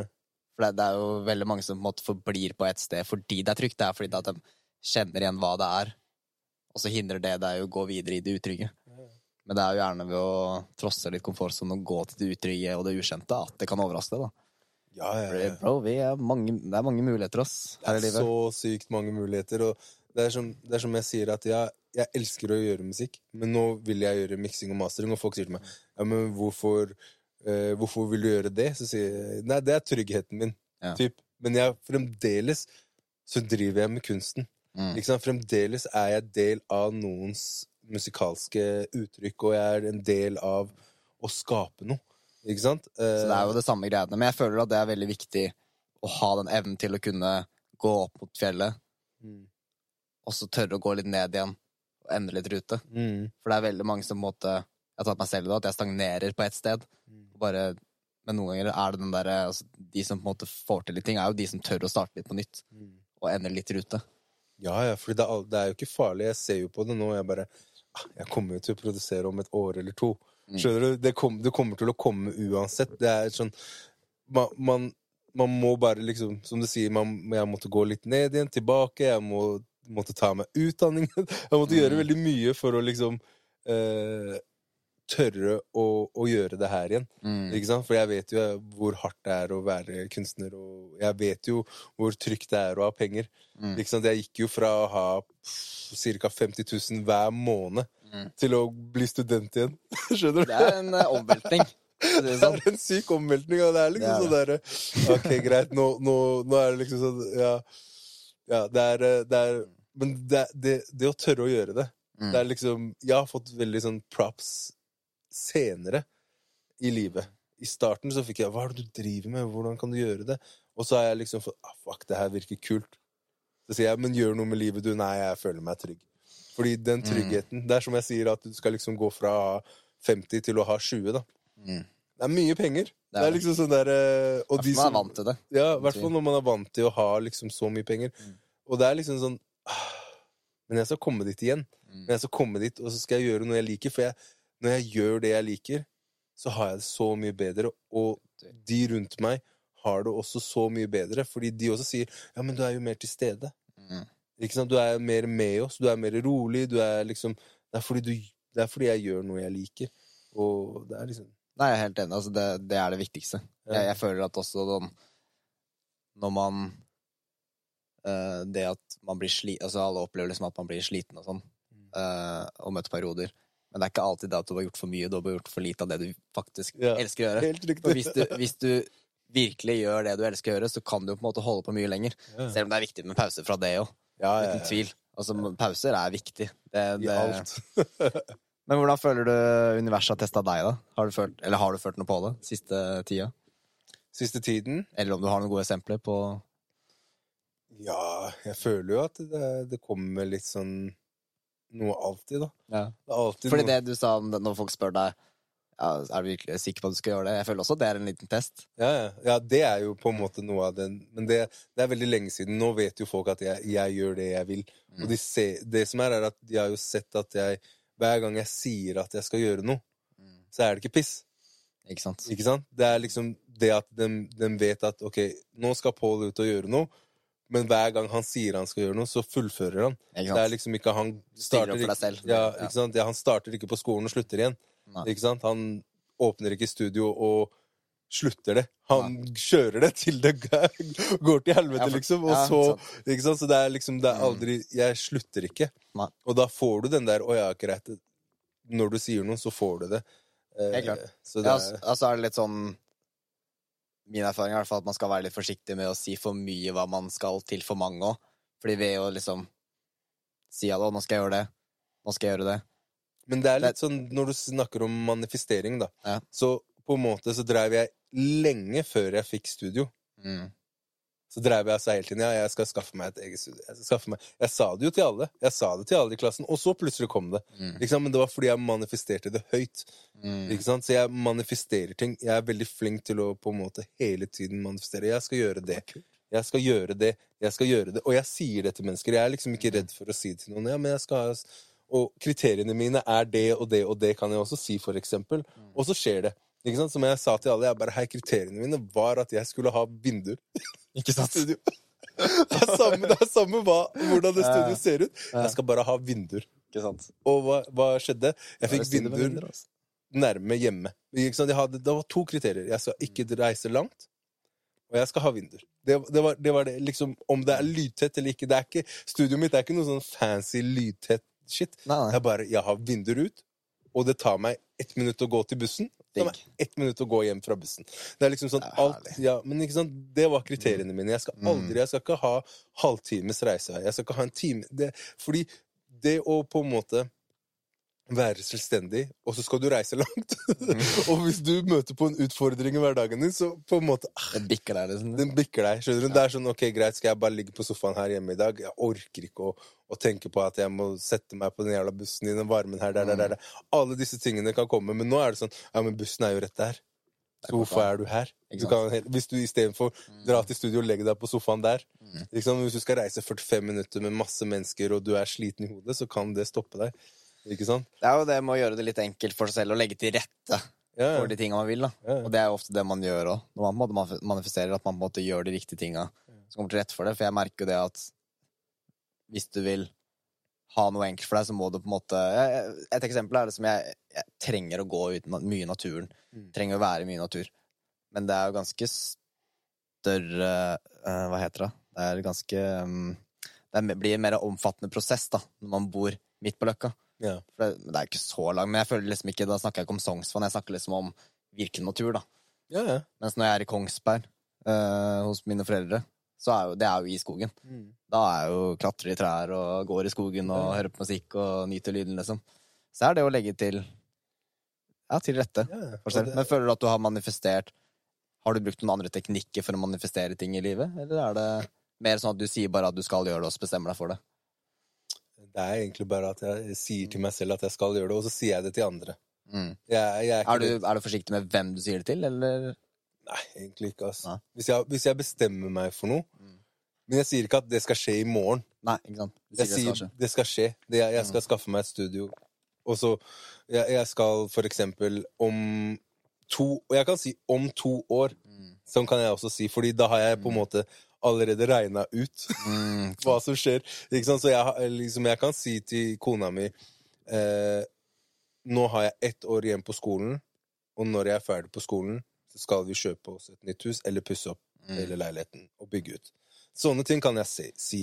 Eh, og ikke være redd for at det ikke skal skje, fordi jeg vet at ok, når jeg er ferdig på skolen, så har jeg ikke noe annet å gjøre enn å jobbe og pusse opp den leiligheten. Mm. Og det er, eller kjøpe et hus. Og det er liksom, jeg vet hvordan å få det til. Mm. Så det er bare liksom ok, men nå er hinderet skolen. For jeg klarer ikke det med skolen der. Men Det det. når den er ferdig, så skal du få alt som du vil ha. Ikke sant? Og før så var hun sånn Nei, men du kan ikke si sånn. Mm. Ikke sant? Du kan ikke si at vi Fordi vi har øh, Hun bare ah, jeg vil kjøpe leilighet. Så jeg bare ja, ja, men bare gi meg et år. La meg jobbe et Mm. år. Uh, og så skal vi kjøpe leilighet. Ja, men jeg vil bo i sentrum. Ja, ja, ok, men vi skal kjøpe leilighet i sentrum. Hun bare nei, det er så dyrt å kjøpe leilighet i sentrum. Der, der, der, alle disse tingene. Og så jeg bare ja, men vi fikser det. La, la meg bare jobbe et år, og så fikser, så fikser jeg det. Ikke, ikke, ikke, ikke, ikke, ikke tenk noe mer på det. Ok, greit. Og hun tenker på det. Hun er en som stresser litt med sånne ting.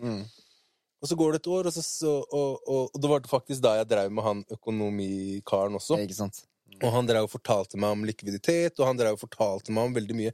Og jeg satt med alle disse økonomitingene og drev og regna og bare surra i litt sånn Mm. egen verden. Og så eh, kommer det opp det, en sånn DNB-greier. Eh, søk om lån. Mm. Og så sier jeg til kona mi Det var et eller annet for kvinner Eller et, det var et eller annet som jeg ikke det var noe, Jeg husker ikke helt, Nei. men det var noe for kvinner. Så sa jeg søk om et lån. Mm. Og så søker hun om et lån. Og så ringer banken henne dagen etter. Og så sier de ja, du kan få så og så mye. Så sier hun nei, jeg vil ha så og så mye. Okay. Og så sier hun bankdama jeg ringer deg tilbake i morgen. Hun ringer tilbake i morgen, hun sier greit, du kan få så og så mye. Begynn å lete etter leilighet. Og så, så, og så sier hun ja, ok, men da begynte Fordi vi hadde ikke penger til å bo i sentrum uansett. Nei, nei. Ikke sant? Og så vi begynner vi å liksom sjekke litt på utkanten av Oslo, og så poff! Dukker en leilighet opp. Ikke sant. Eh, liksom, og da mener jeg 50 meter nede i gata fra der vi bor, og vi elsker å bo på Sagene. Nice. 50 meter nede i gata. Fireroms, 57 kvadratmeter. 50 meter nærmere sentrum. Ja, 50 meter nærmere sentrum.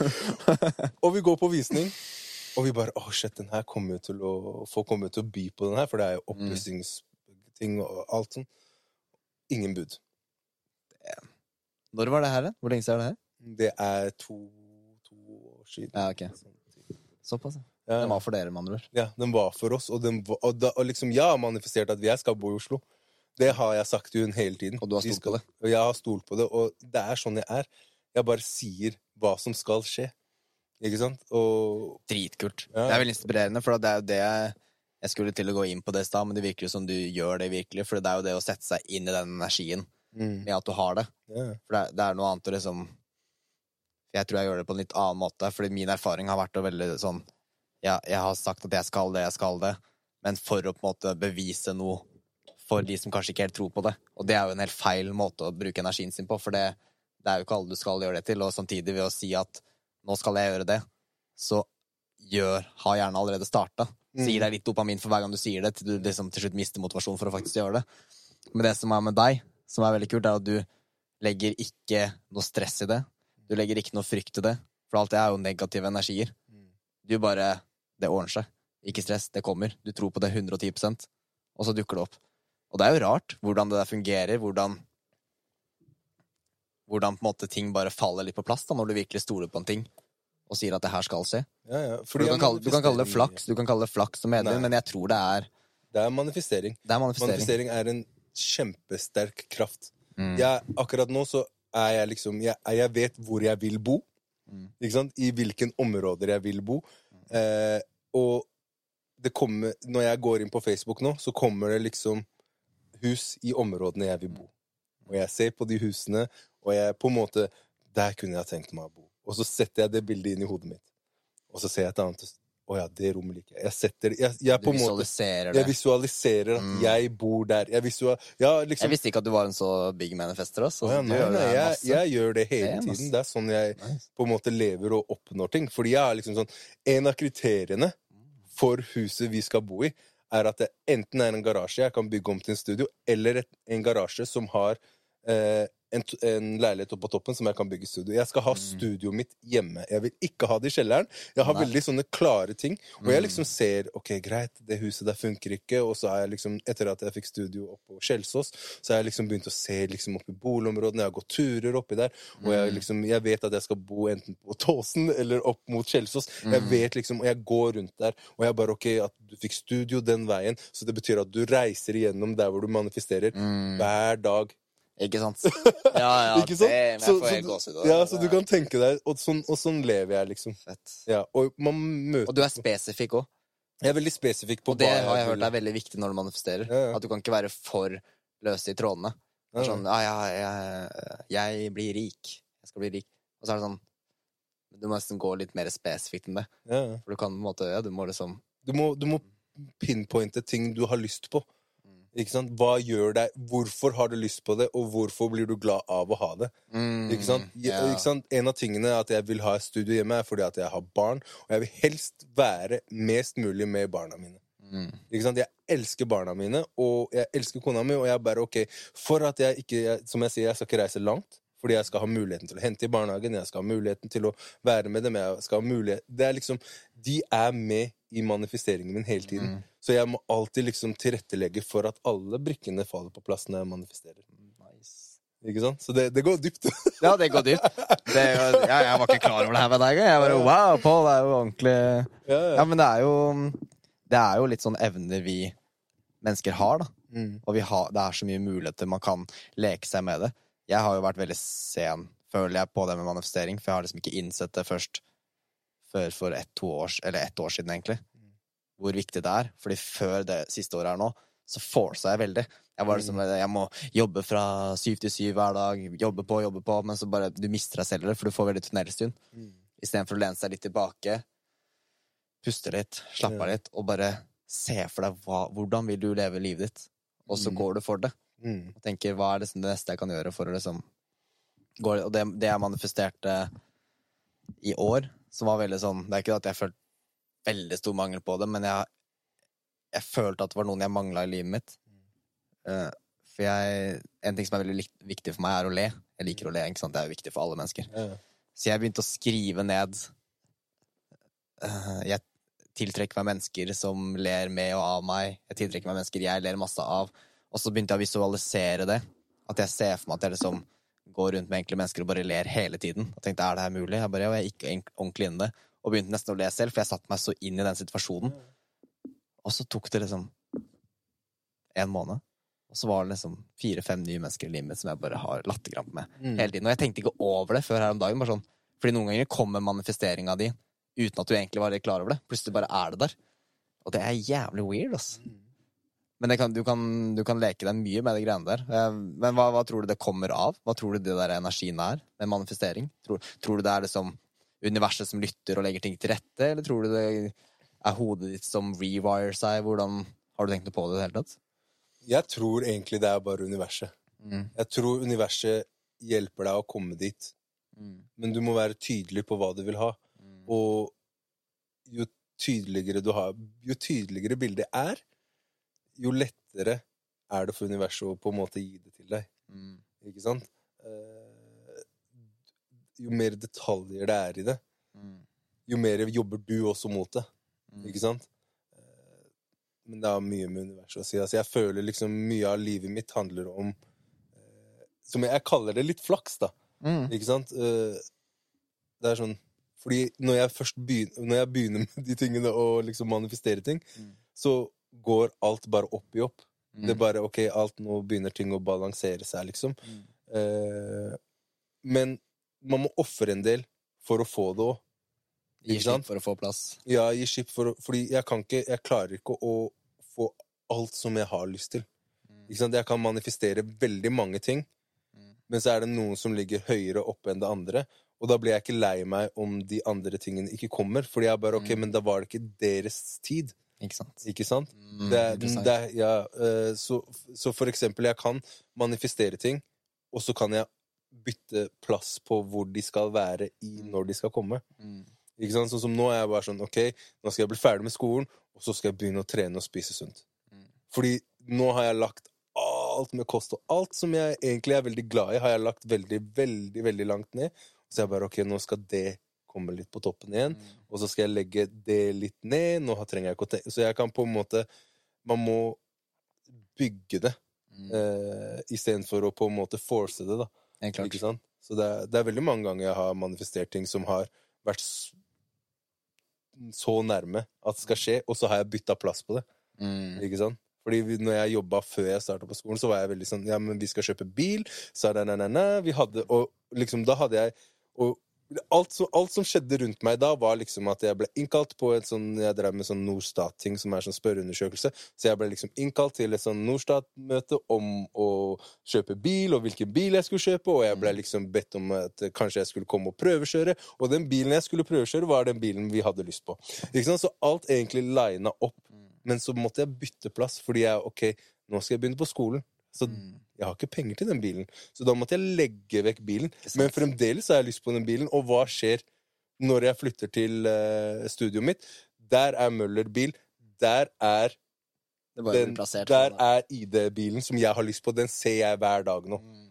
Hva skjer når jeg ser Volkswagen ID hver dag? Se for at det er din. Så hva, når er det jeg kommer til å reise på, med familien min i en ID-buss? Når neste ID-buss blir lansert? Jeg kommer ikke til å få denne ID-bussen her, men jeg kommer til å få neste. Fordi det, det, den er der hver dag. Jeg ser den hver eneste dag nå. Hvorfor? Fordi jeg har allerede manifestert den for lenge siden.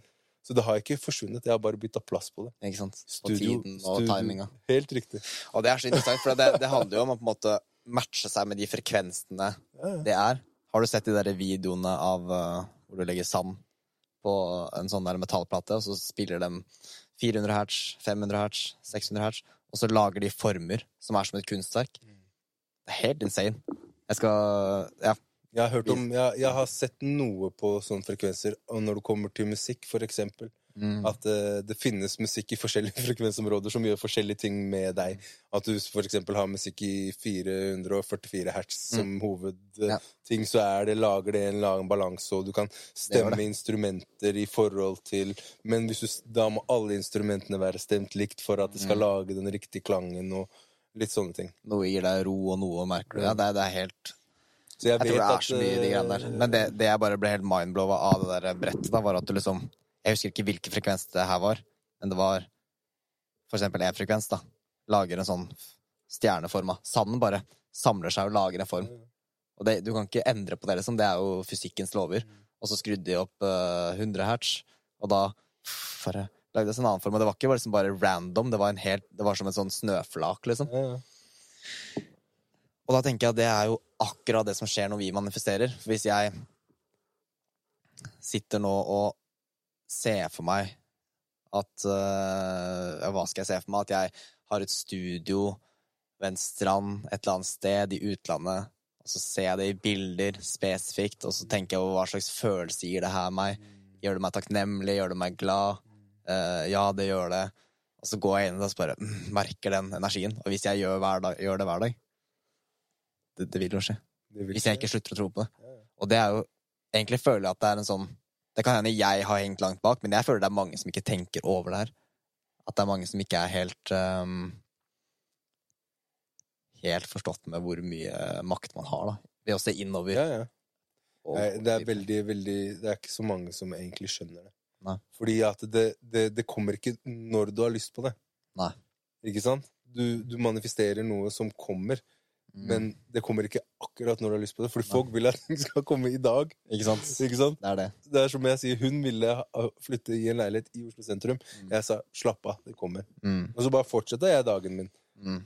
Hver gang hun sa det, 'slapp av, det kommer'. Fordi jeg bare 'ok, greit, det kommer', men jeg kan ikke, jeg, kan ikke, jeg får det ikke i dag, jeg får det ikke i morgen. Det kommer når det kommer. Det, de duk, det dukker opp når det dukker opp. Mm. Ikke sant? Det kommer på riktig tidspunkt. Ja, ja. Så det er liksom sånn eh, Ja. Det er samme som jeg sier om den ID-bussen. Hvorfor skulle vinduet mitt være mot Volkswagen? Hvorfor skulle jeg se den ID-bussen hver dag? Når er det jeg kommer til å gå og spørre om å prøvekjøre den ID-bussen? Og så føler jeg at uh, det er fort gjort å gi seg òg. At du gir deg liksom Ja, man skal gi seg hvis det ikke føles riktig, det du driver med, men hvis du på en måte Du veit aldri hva den ene ekstradagen gjør. Plutselig er det det du lager der, som er det neste. Kanskje det er liksom Og det er derfor det er så viktig å ha kjærlighet til det man driver med, for det gjør at man ikke gir seg. Tror jeg, da. Ja, ja. Det, Ja, det er og det sykt viktig. ene fører til det andre, liksom. Kjærligheten til det man driver med, er det kanskje det viktigste. Det Som jeg sier, at penger har ikke så mye å si. Bare du gjør noe du er glad i. Mm. Ikke sant? Og jeg, omgivelsene og alt. ja, så tror jeg på en måte at på mange måter så vil pengene komme etter hvert. I hvert fall Altså ikke overalt. Det er ikke det, folk, det, det, Vi har noen privilegier, eh, privilegier ved å være født Eller bo i et land da, som vi bor i. Mm. Eh, Det skal ikke legges under en stein, holdt jeg på å si. Men eh, jeg, samtidig så har jeg tenkt på det noen ganger. Hvorfor har vi ikke lært så mye om sånne type evner vi mennesker har? Hvorfor har vi ikke lært så mye å se innover ved manifestering, ved lucid dreaming, ved altså masse sånne ting da, på skolen? Men så har jeg også tenkt tanken at hvis alle i hele verden hadde hatt sykt god kontroll på det her, hva slags verden ville det vært da? Da hadde vi ikke hatt noe sted å bo. Altså. Jeg tror, jeg tror det ville vært litt kaos. Også. Jeg tror også det hadde vært, hadde vært Det litt komplekst. kaos. Ja, fordi det er sånn Et godt eksempel er kona mi, for eksempel. Mm. Hun er veldig Hun, hun manifesterer ikke. Hun eh, veldig Hun kan bli veldig sånn dratt inn i ting veldig fort, og vil Mm. gjøre det med en gang. Og hvis ikke det funker med en gang, så, så er det over. Ikke sant? Ikke sant? Hun kan starte å sy den ene dagen, begynne å hekle neste, strikke den ene, og så kan hun gjøre det i en måned, og så bare eh, 'Jeg liker ikke', og så kan det gå seks måneder, og så bare 'Jeg likte å hekle'. Mm. Ikke sant? Men det er ingenting som er manifestert. Ikke sant? Og hun kan være sånn ah, 'Jeg har lyst til å bli det', og så kan hun gå på jobb, og så er hun ah, 'Jeg føler meg komfortabel'. Så slutter hun å manifestere. Ja, men ah, den jobben her er perfekt for meg. For barna, for alt. Så på en måte manifesterer hun, en he, hun på egentlig på en veldig annen måte. Hun Hvordan har jeg det bra nå? Mm. Istedenfor hva skal jeg ha der? Ikke der virker det som dere er en veldig god balanse, da. Ja. At man har på en Vi måte har, vi har blitt det. Eh, ja. Det som er å være i forhold, er jo på en måte det å lære å kjenne og lære å si ifra. mm. Ikke sant? Fordi før så klarte vi ikke alltid å si ifra om disse tingene. Hadde, jeg, hadde hun hørt, eh, hørt meg for kanskje te, to år siden Ja, men hun gjør det ene dagen og gjør det andre, så kunne hun blitt sur. Mm. Men hvis hun hører det nå, så blir hun sånn Ja, ja, det er sant. Ja? Ja, men det er. Fordi vi har snakket om det, og snakket om å lære å kjenne hverandre og, og lære Mm. å kjenne oss selv. da. Mm. Uh, så det er liksom Den balansen også er Jeg manifesterer også veldig mye om forholdet mitt. Mm. Jeg er veldig liksom i hodet mitt, fordi der er det, det Her er et veldig sånn eh, godt eksempel på hva som Hvordan energi funker. For hun er ikke liksom Hun er investert i oss, Mm. men hun er ikke like mye investert som meg. Mm. I selve forholdet, tenker du I på? det? selve forholdet, Ja. Mm. ikke sant? Eh, da har vi to energier som på en måte krasjer med hverandre noen ganger. Mm. For jeg kan være sykt investert, og så kan hun på en måte falle litt av. Og, jeg, og før så såra det meg. At, Mm. ah, hvorfor? Og så har jeg begynt å bli sånn Ok, vi er to forskjellige energier. Hvordan jeg som manifesterer alt, jeg som gjør alle disse tingene, Mm. hvordan klarer jeg å koble meg opp mot den energien? Så hun også investerer, for hun, hun klarer ikke å investere på samme måte. Og liksom Det er liksom Nå har på en måte Etter lang tid så har den energien som har egentlig krasja Mm. litt, begynt å gå sammen. Men det er fordi at jeg har måttet gi opp litt av min manifestering og mitt ego, og hun må ha på en måte det- åpne, åpne energien sin, da. Mm. Så det er liksom den derre eh, forskjellen mellom energier, da. Selv om Mm. du er sammen med en partner som ikke er som deg, og energien deres krasjer, så må man på en måte jobbe for å treffe de energiene, da. Ja, for man kan jo endre energien sin litt. Helt så det er på en måte det å tilpasse seg og se styrken i at her er vi forskjellige, men det gjør oss sterkere hvis jeg fjerner litt av det, og du kanskje legger på eller fjerner litt av det. Ja, Og så blir man på en måte en enhet, da. ja, ja. Og det føler jeg er det viktigste med en relasjon òg, at man ser på seg som én. ja. Selv om det er venn eller kjæreste Mm. eller uansett. At man på en måte tenker sammen, da, ja. ting. Det er ikke deg og meg. eh, det er ikke deg mot meg, liksom. Det er Nei. oss mot problemet og utfordringene. Helt riktig. Og, det, og der har vi kommet nå. At det Mm. på en måte nå, nå investerer hun også. Og Mm. jeg på en, måte, på en måte har klart å liksom ikke bli lei meg når hun er i de situasjonene der hvor hun ikke investerer like mye, Mm. Fordi da er hun et eller annet annet sted. Og så prøver jeg heller å finne ut hvor er du, Mm. istedenfor å finne ut hva gjør jeg galt. Mm. Hvor er du, og hva kan jeg hjelpe deg med? Ikke sant? Ikke sant? For da kan jeg også bruke Ja. min energi på å manifestere for henne. Mm. Hva har du lyst til å bli? Hva har du lyst til å gjøre? Ok, jeg skal tenke på det for deg. Mm. Kult. Skjønner du? Og så bare fikser du det. Ja, men det er kult. Ja, så, det, så på en måte jeg ser jo at min manifestering får at henne, gjør, at henne også blir komfortabel. Ikke sant? For jeg gjør det ikke bare for meg. Ikke sant? Ikke sant? Så det er litt sånn Men samtidig også så gjør du det for deg, for at hvis henne lykkes med ting, så lykkes jo du med en ting òg. Ja, ja. Jeg gjør jo det for meg òg, men liksom, Mm. det, er, det er ikke for, Før så har alt vært veldig egoistisk. Meg, meg, meg, meg. Mm. meg. Jeg har liksom ikke eh, alltid vært flink til å Som jeg sier, at nå er jeg på en måte veldig investert i henne. Mm. Jeg manifesterer veldig mye om forholdet, Mm. livet. Forteller henne hva som skal skje. Men det har ikke alltid vært sånn. Det har vært veldig mye 'jeg skal dit', 'jeg skal'.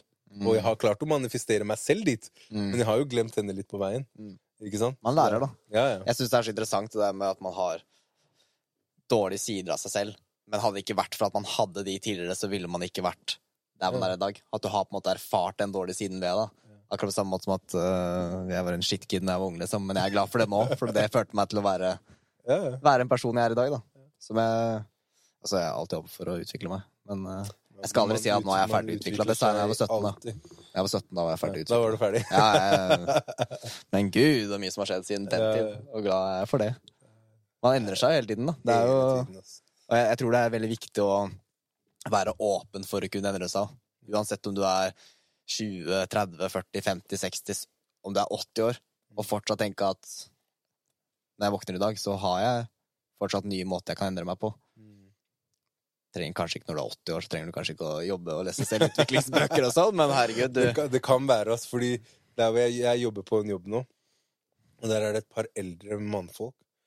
Og liksom, han ene jeg tror han er nærmere 65 og er nettopp ferdig utdanna vernepleier. Ah. Ja. Og har blitt, han har liksom forandra livet sitt litt og sånn. Eh, Og liksom utforsker nye Mm. ting, og jeg bare OK, greit, det her var spennende. Og liksom Det er sånn Jeg tror utvikling aldri stopper. Det stopper bare for de som på en måte føler seg komfortable. Og her har jeg det bra, her kan jeg være. Men hvis du er en person som alltid er nysgjerrig, så tror jeg utvikling aldri stopper. Da tror jeg du kan skrive en bok når du er 100, selv om du aldri har skrevet en bok før. Uten tvil. Og jeg har jo to besteforeldre som jeg har ganske jevnlig, jevnlig kontakt med. Og der er vi også sånn Vi er jo, er jo to generasjoner fra hverandre. Men vi er veldig flinke til liksom Når vi tre prater, så har vi en veldig sånn åpen dialog, da. Og lytter og sånne ting. Det er så mye jeg lærer av de, og det er så mye de lærer av meg. Jeg syns det er så kult når et eldre par på liksom snart 80 år, da. Liksom bare, ja, nei, vi lærer mye, vi, og prater med deg. Jeg gjør det samme og prater med de. Og det er jo kult, for man eh, stopper aldri. Og jeg har en veldig god venn som jeg snakka med her for noen uker siden, hvor jeg sa at uh, den vennen skulle på et jobbintervju. Så jeg, men du er jo ekspert på det her du nå, for nå har du gjort det Du har gjort det så mye. Og så bare Det siste jeg vil bli, er en ekspert. For dagen jeg kaller, dagen jeg kaller meg selv ekspert, da stopper jeg utviklinga mi, liksom. Og det er jo veldig sant. Ja, ja. Det er jo rart å høre liksom ekspertene sier ekspertene, for det er jo ingen som på en måte egentlig er Du har mye erfaring. ja, ja. Hvis du forteller deg selv at det her er jeg ekspert i, da tror jeg du bremser deg selv. Jeg tror faktisk du gjør det veldig hardt. Og, men heller alltid gå inn med et nybegynnende mind, da, Mm. om at det her er en ny dag for å bare lære nye ting. Ja, ja. Det at man er litt Man må være åpen, føler jeg. Jeg vet, jeg vet jo mange som bare er den de er. Mm. Jeg har en mor som er veldig den hun er. Mm. Hun er åpen, men hun er veldig sånn ja, Men jeg har det komfortabelt. Og det er jo helt trenger- Jeg trenger ikke å gjøre noe annet. Ja. Mm. Ikke sant? Og, men hun har gjort mye i, sin unge, i sitt unge liv, men nå er Mm. hun liksom bare eh, De siste jeg vet ikke, 20 årene har hun bare vært Men jeg tenker jo det er helt greit òg, hvis man er komfortabel ja. og vil det. For det, folk vil jo forskjellige ting her i livet òg. ja, ja. Det er jo om du Det er mange som trives veldig godt med å liksom ha en fast og trygg jobb den går til. Komme hjem til familien sin. Og hvis det gjør deg lykkelig, så herregud, kjør på. Det er, jo- det, jeg føler jo Man må jo ha det òg. Ja, man må ha Det er, det er liksom Jeg ser jo på ikke sant? Nå, er det sånn, nå, nå har jeg veldig mange venner med familier og sånn, og jeg Mm. ser jo de som er den der åtte til fire-personen, de har jo et helt annet liv enn meg. Ja.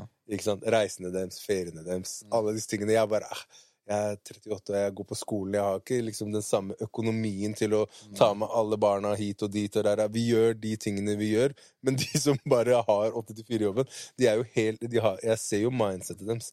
At det er jo noe helt, helt annet liv. Det er et helt annet liv. Liksom, de har to familiebiler, de har det er Alt er alt, ja, hyttebåt Ja, ja. og liksom, Det er jo det. Og jeg bare OK, jeg brenner ikke like mye for det. Nei. Det er ikke det jeg på en måte Jeg trenger ikke det, og det, det kan komme senere òg. Du er kanskje veldig glad i å bevare litt den der eh, lekenheten i deg, da. Ved å leke dagene dine, gjøre ting du brenner for. Ja. Jeg vet ikke. ja, jeg liker faktisk det veldig godt. For jeg vet med meg selv at det siste jeg vil, er å ha, en, eh, ha et sånn type liv, da. Ja, ja. Jeg er glad på de, dem sine vegne som liker det og gjør det. Men det har kanskje vært en av mine frykter å være et sted hvor jeg ikke føler at jeg liksom Min drøm, da, det jeg manifesterer veldig, er jo å våkne opp og tenke at i dag leker. Mm. Og det har jeg prøvd å gjøre det året her, ved å se for meg at når jeg går hit, så går jeg på jobb. Ja. Jeg, men det, det er jo ikke sånn at jeg lever av det kreative på den måten nå, men jeg, jeg går i den rollen Mm. at jeg går her nå, og dette er en profesjonell jobb jeg gjør, og litt sånne ting. Det, det har jeg lyst til å bevare. Jeg har lyst til å liksom kunne Ja, ja. leke. Leke. Og det er, det er så viktig for noen, da. Som Mm. oss. Som oss. Sånne folk som oss. Vi trenger å leke. Det Ja, er, eh, det er viktig. Det var en lek å ha den samtalen her, da. Ja, veldig. Ja. Jeg, jeg føler at vi kan gå for en liten landing, Ja, jeg Um, føler det selv. men det er veldig god samtale. Yes. Jeg setter veldig pris på deg, Pål. Jeg syns du er veldig inspirerende å prate med, og veldig lærerikt. Kult at jeg ikke mis- visste om de der uh, måtene du manifesterer på. Det er, også, det er noe jeg jobber litt med om dagen og blir flinkere på. Så inspirerende å høre litt. Så tror jeg det er mange andre som kan lære av det òg. Ja, det tror jeg også. Mye visdom. Tror du at du er en old soul eller en young soul? Begge deler. Du er begge deler. Begge deler. Spørs, spørs på alt. Spørs på alt. Jeg fikk det spørsmålet. Føler du deg hvor moden Altså hvor Hvis du skulle sagt et alder på deg i hvor du er, hvor ville du sagt Så tenkte jeg at det kommer helt an på oss. Er jeg i en familiebursdag, da blir jeg syv år. For da er jeg bare med kidsa. Men det er noen ganger jeg føler meg litt gammel nå. Alder er bare tall. Bare vær den du er, og gjør det som gir deg energi. Ja, ja. Så har du kommet langt. Og så er det liksom Ta vare på seg selv og de rundt seg. Det viktig. Nei, men uh, tusen takk for de som uh, kom så langt og fortsatt lytter. Og så håper jeg folk eh, nyter eh, godt vær, nyter gode mennesker rundt seg, og nyter seg selv. Takk for oss. Takk for oss. Vi snakkes.